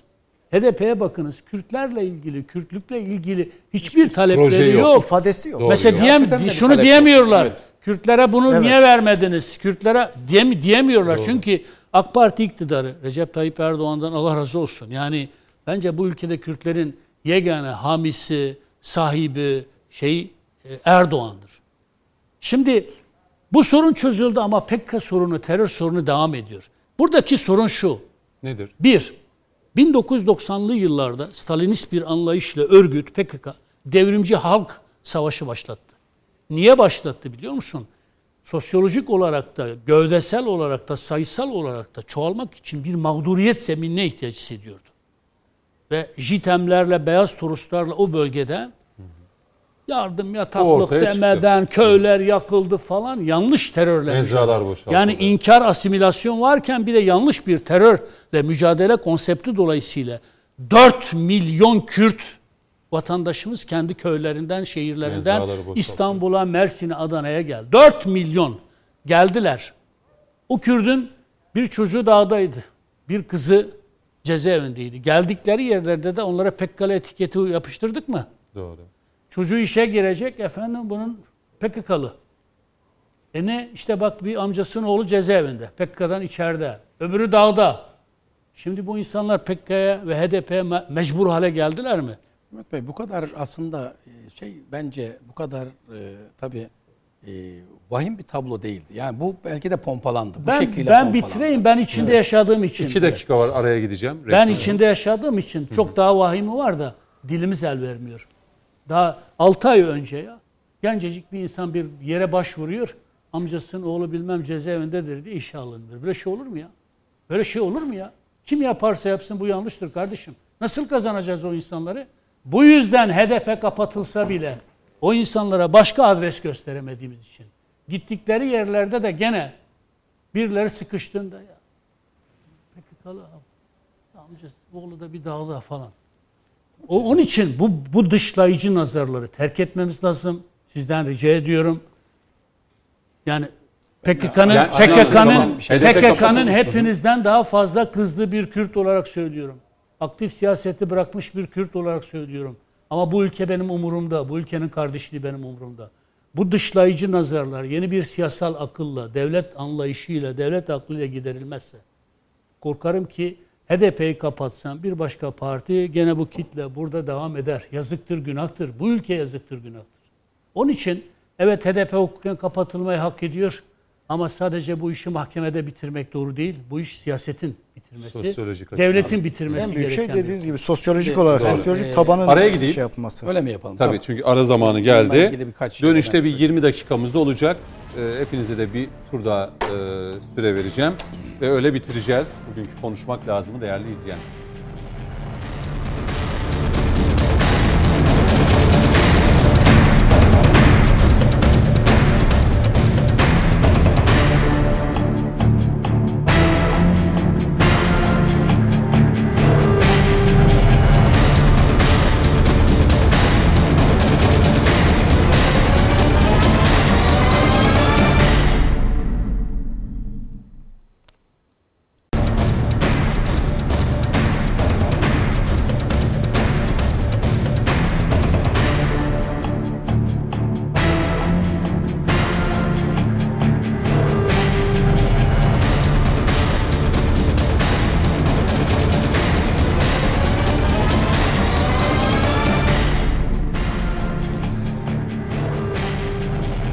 Son bölümdeyiz. Her konuma bir beşer dakika söz vereceğim ve e, bitireceğim.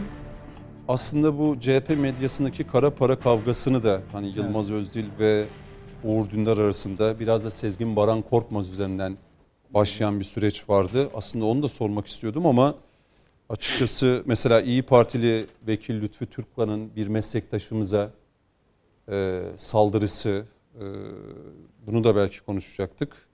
Ama e, herkes bir söz is- istiyor. E, Lütfü Türkan kendisi saldırmadı da onun yakınları Tamam. çevresi. Açıklama yapmıştı ama, e, şu var yani oradaki dövülmemiş adam Sonuçta- öldürülmeye Sonuçta çalışılmış. yanlış yani. orada Kabul şey edilebilir problem bir şey şu. bir şey değil. e, başka bir gazeteci olduğunda sürekli gündeme Ama- getirip şey yapanların bugün İyi Parti tarafından ya veya İyi Parti'nin milletvekili olduğu e, dahili olan bir olay nedeniyle e, basının oraya gitmesinden kaynaklı yaşanan olayı hiçbir o karşı cenahtan hiçbir ses gelmemesi, kafalarını kuma Hayır, gömmesi örneği veriyorum tuhaf. da İkizdere'deki olayda da hatırlayalım. Yani orada Sayın Meral Akşener'in sıkıntı orada yani. Birileri vatandaşı yani tekme tokat. Ya tabii şekilde- orada mağdur olan vatandaş vatandaşı dövdüler orada. işte yani hani e, Bir şiddet tecviz edilen. Kesinlikle. Mutlaka, mutlaka. Kesinlikle.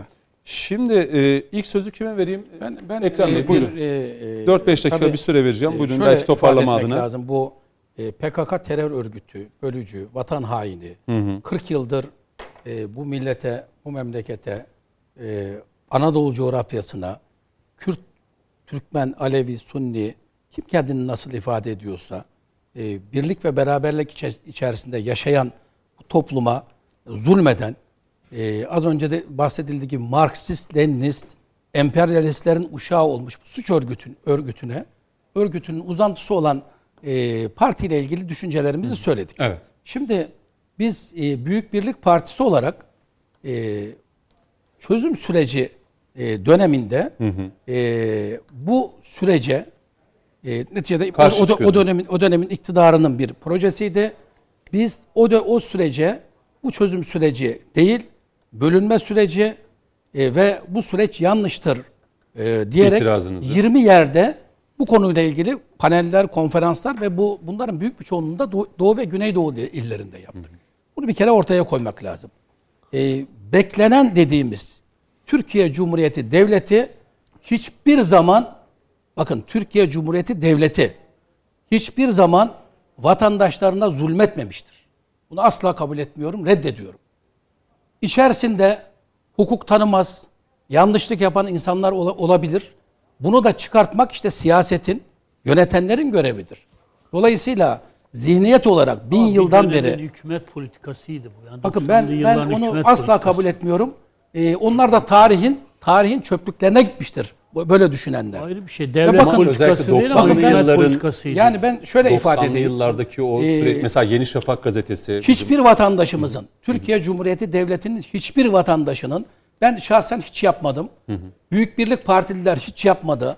Alperenler hiç yapmadı. Bakın ben çevremde e, mezhebinden dolayı, e, mensup olduğu ırktan dolayı, dinden dolayı, efendim farklı bir coğrafyadan gelmiş olmasından dolayı hiç kimseyi ötekileştirmedik. Çünkü biz Ama inancımız gereği biz bakın inancımız gereği kültürümüzden, yaradılanı- dinimizden dolayı öyle yaradılanı demeyin. severiz, yaradandan ötürü anlayışı içerisindeyiz. Bunlara da karşı çıkıyoruz. Bakın Benim, ben bunlar doğru Kürdüm, demiyorum. benim dilim yasaklıydı. Bakın bunları doğru Olmadı- görmüyoruz. olmadı değil. Ama biz tek bayrak, tek devlet, tabii ki insanlar kendi dilini konuşabilir. Biz bunları savunuyoruz. Üniter devlet anlayışını savunuyoruz ve ben Türkiye Cumhuriyeti Devleti'nin e, zulüm yaptığını asla kabul etmiyorum. Bakın ben size bir örnek vereyim. Ben Bursa'nın dağ yöresinde, annem oralı, e, dağ yöresi dediğimiz bir yöre var. Keles, Orhaneli, Büyük Orhan ve Harmancık. E, gelir seviyesi, gelir seviyesi Türkiye ortalamasının dörtte biri. Ama oradaki insanlar zor şartlarda yaşamalarına rağmen, ekonomik sıkıntı çekmelerine rağmen hiçbir dönem devletine baş kaldırmamıştır, ihanet etmemiştir ve milletine asla ve asla milletinin yanında olmuştur, devletinin karşısında olmamıştır. Kürtler de ihanet etmemiştir. Kürtler de ihanet etmemiştir. Bakın ben Kürtler, Kürtler ihanet etti demiyorum. Mesela siz başörtüsü zulmünü kabul etmiyor Kesin musunuz? asla 28 bakın, Şubat'taki bakın, zulmü kabul Bakın bir kısım bakın ben bir kısım Devlet adına yapıldı yani hükümet şimdi politikalarıydı e, ama yani. bakın tarihin çöplüklerine gittiler. olabilir ama hiçbir hiçbir Yani şimdi zulüm yoktu bunun üzerinden olmaz ki. bakın bunun üzerinden ben şunu ifade etmek istiyorum. Bu yapılan şu andaki PKK'nın yaptıklarını meşrulaştırmaz. Yani şimdi sanki şöyle bir şey var. HDP'nin yaptıklarını meşrulaştırmaz. Oradaki Kürt kökenli kardeşlerimiz bizim öz kardeşlerimizdir. Bin yıldan beri etle kemik olmuşuk. Hani etle tırnak da demiyorum. Çünkü etle Türk tırnak birbirinden ayrılır. sorunu değil ki. Devlet adına CHP zihniyetinin Kürtlere hem dindar Kürtlere, dindar Müslümanlara, Sünnisine Böyle de bir herkese realite karşı var ama. Bakın- uyguladığı bakın bir var. zulüm ve realite varsa, realite varsa bunu ortaya çıkartmak da ülkeyi yönetenlerin görevidir. Yani CHP Bu bizim böyle bir görevimiz. kıyıcılık yaptı tek Yoksa parti döneminde yoksa bakın yani. yani. bakın işte tarihin çöplüklerine gittiler. İktidar olamıyorlar. Da Bu millet- devlet bu millet- adına hiç yapılmadı dersen olur mu ya? Ezanlarımızın dili değiştirildi yapma ya. Sevgili bakın başkanım. devlet adına birileri yapmış olabilir ama Türkiye Cumhuriyeti devleti Ha, devlet olarak demiyorsun güzel kişiliği Ha, anladım. asla böyle bir şey yapmamıştır. Tek parti zaten Bakın- CHP devletti bakın, yani. e, bakın Öyle ben lütfen ben, e, yani şöyle söyleyeyim. Ben bunu kabul etmiyorum. Büyük Birlik Partisi Kabul olarak da etmiyorum kabul ama ediyorum. realite bu yani. Bizim açımızdan e, devletiyle, milletiyle, e, bayrağıyla biz güçlü olmak zorundayız. Emperyalistlerin oyununa gelmemek durumundayız. Yani bunu ifade etmek istiyorum. Yoksa doğrudur o dönemde yaşanan olumsuzluklar vardır. E kim yaptı Haksızlıklar, bunları? Hukuksuzluklar vardır. Ve bunlar da hukuk önünde cezasını... Bakın zaten bizim sorunumuz şu. Biz hukuku önceleyen bir anayasa dahi yapamıyoruz. 82 Ha, anayasasıyla. 28 Şubat'ta kim bu zulmü yaptı? Topyekun irtica ile mücadele adı altında sokakta başörtülüler, çarşaflılar kim? Bakın kim o, o dönemi en yakın yaşayanlardan bir, bir kardeşimiz. Kim yaptı bunu kim?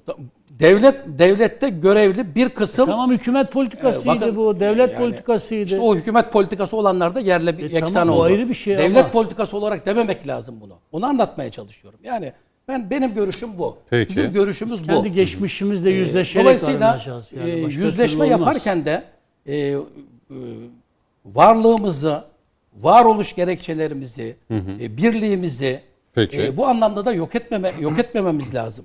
Tabii ki yüzleşelim. Yanlış kimden gelirse gelsin bunun hesabını soralım.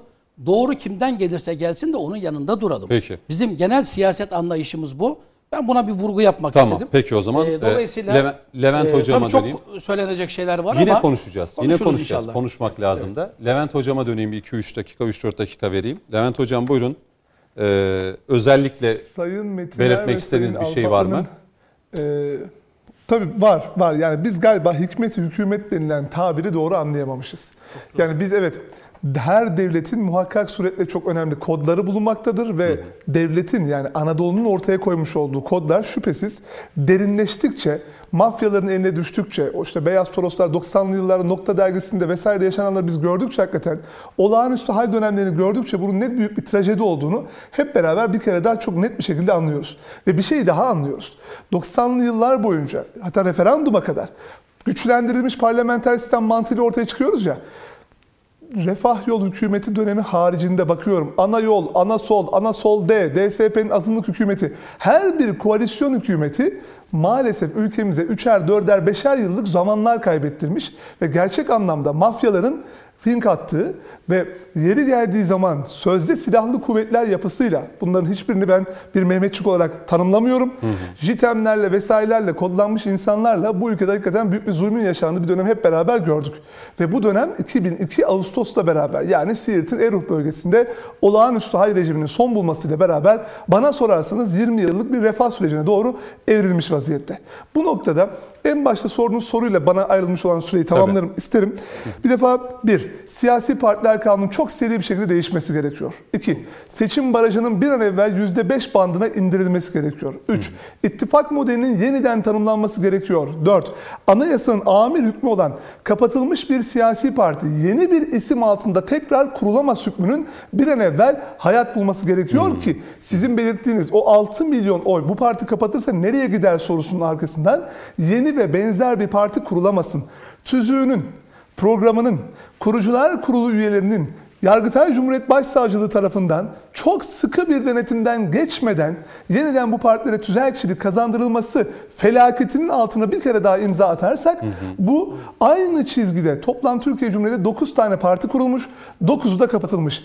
Yeni bir 10. partiyi kurup 10. partiyi de kapatıp o işte partilerden oluşmuş bir mezarla yeniden yeni bir partiyi daha feda etmektense bu siyasi yapıda doğan boşluğun nasıl doldurulacağı, bu alanda işte Türkiye Cumhuriyeti vatandaşı olan, etnik olarak Kürt olan kişilerin nasıl yeniden Anadolu coğrafyasında asli unsurlar olarak konumlandırılacağı ilişkin yeni politikalar üretmek, yeni projeler geliştirmek, kimseyi ötekilemeden, ötekileştirmeden o kucaklayıcı zihniyeti çok seri bir şekilde yasal mevzuat çerçevesinde ortaya koymak için çok iyi bir fırsat. 2023'te ortaya koyacağımız sivil anayasada bu fırsatın bana sorarsanız o normlar hiyerarşisindeki ahde vefaya dayalı en büyük toplum sözleşmesi olacaktır. Kanaatiyle bana ayrılmış süreyi tamamlayayım isterim. Ayrıca teşekkür ediyorum. Teşekkür ediyorum. Vallahi- Katılıyorum hocam. Levent Hocam böyle e, özetledi. Hoca Noktayı- olunca hoca olunca da böyle Tabii değil mi? akademisyen ya zaten Türkiye'de öyle sorunlar var ki aslında akademisyenlerin üniversitenin çok daha fazla devreye girmesi gerekiyor. Ben her zaman böyle düşünüyorum.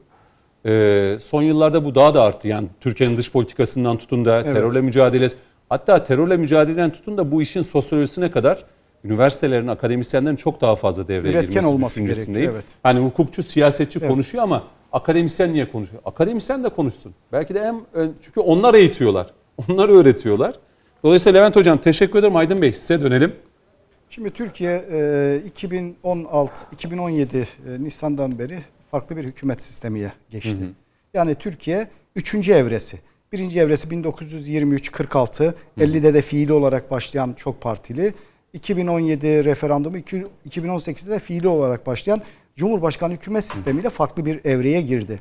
E, bu nedenle mevcut geçmişten kalan yasaların işte biraz önce hocam da siyasi partiler kanunu, seçim kanunu veya bakanlıklarla ilgili yapılan geçmişte kanunların yeni sisteme adapte edilmesi gerekiyor.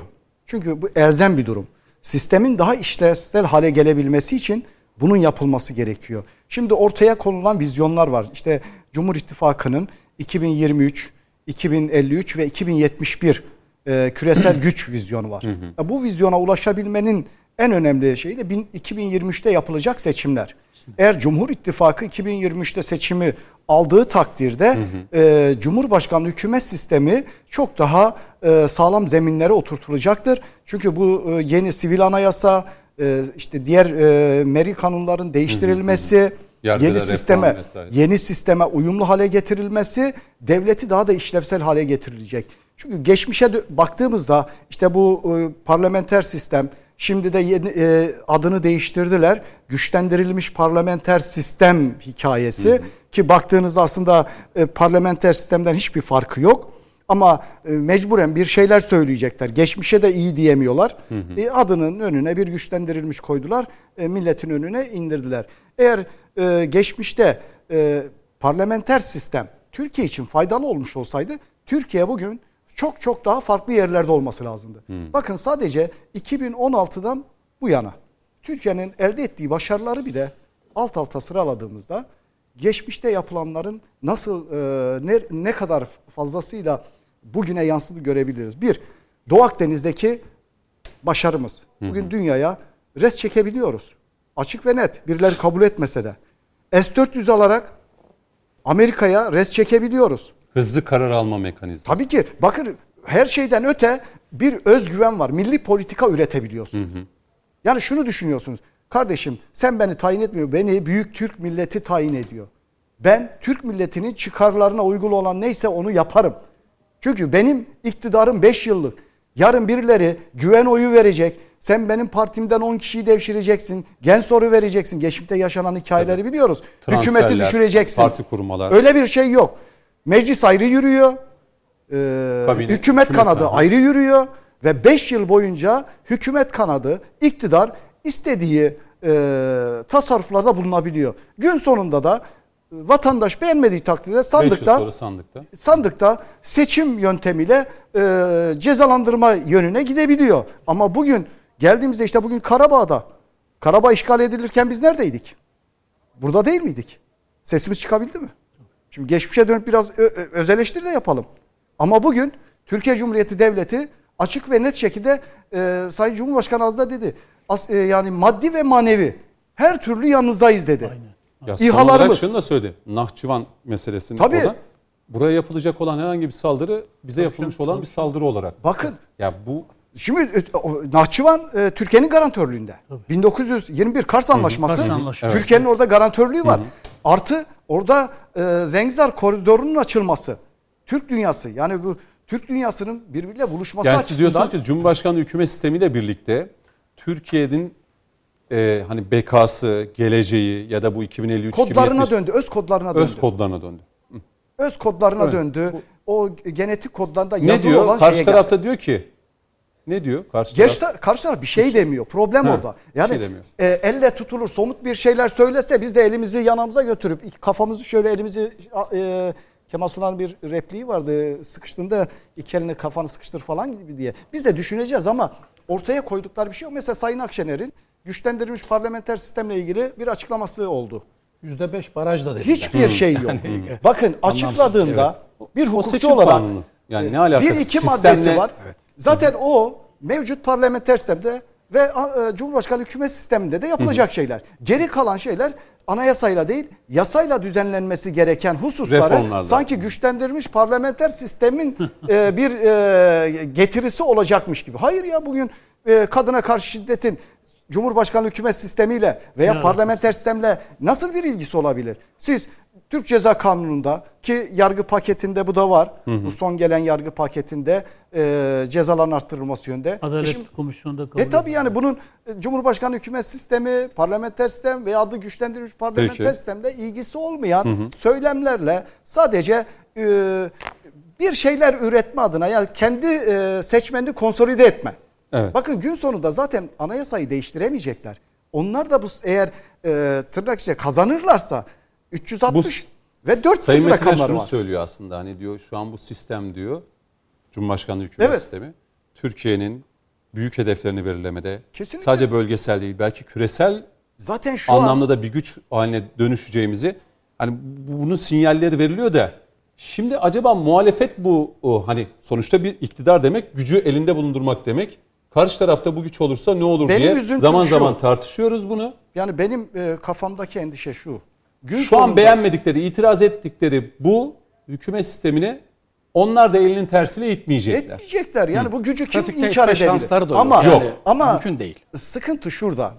Evet gücü elinizde bulundurursunuz ama e, gücü kiminle kullandığınız Ha, nasıl? önemli. Bu Türk milletiyle mi kullanacaksınız? Tamam. Yoksa o dostlarınız dediğiniz adını vermediğiniz kişilerle mi veya bir kurumla veya var. şeylerle Bir mi var. kullanacaksınız? Sayın Metin Ali 2-3 haftadır yönetmenim de diyor hiç çağrıda bulunmadık Sayın Kılıç. Gerçi siz hep çağrıda çok. bulunuyorsunuz da. Son bir Ben dakikamız biz bizimkilere- öyle- ben Aa bizim- bir dakika bir dakika. Türküyle bitireceğiz Tamam. demiştik. Ama bizimkilere bir çağrıda Öyle mi? Tamam, bir çağrı, bir de bir bir güçlü bir, türküyle yürütme bitirelim. var. Güçlü bir meclis olmalı. Bunu çok önemsiyorum. İki, sakın ola ki dar daraltılmış bölge modeline geçmeyin. Öyle bir Kesinlikle, siyasi krizle karşı karşıya kalırsınız ki yapacağınız şey şudur. Aklımıza ihtiyaç hissediyorsan size söyleyelim. Bedava akıl veriyoruz. Canı sağ olsun. Yönetimde istikrar sorunumuz kalmadı. Temsilde adaleti sağlayın. Baraj sisteminin bir önemi yok. İki, baraj sistemini yükselttiğiniz sürece HDP meclise girsin diye şu ve bu partide siyaset yapan Kürtler, Türkler bile HDP sırf meclise girsin diye oy veriyorlar. Düşürün kardeşim barajları. İki, herkesi de karşımızda bloklaştırmayın. yapsınlar. Artık Sayın yorulduk ya. Metiner, yani. Ya yorulduk ya. Herkesi de karşımızda bloklaştırmayın ya. Levent Ersin Orallı hocam çok teşekkür ederim. Türkü aklınıza geldi. Belki bir kulübe bitireceğim. Levent hocam çok teşekkür ediyorum. Biz de iyi bir dinleyiciyizdir. Selamlar dilerim. İyi akşamlar Çok dilerim. teşekkürler. Ama Aydın türküyü İşkur. merak ediyordum açıkçası. Tabii. Aydın İşkur çok teşekkür ederim. Ee, yine Büyük Birlik Partisi Genel Başkan Yardımcısı Ekrem Alfatlı. Teşekkür ediyorum. Ben teşekkür Mehmet ediyorum. Metiner teşekkür ediyorum. Valla öyle bitireceğiz. Yavaş yavaş böyle Kapanışı yönetmenimiz türküyle sizin yapalım. türkünüzle. Buyurun. O da ilk defa ben- denk gelir. Aman aman Burası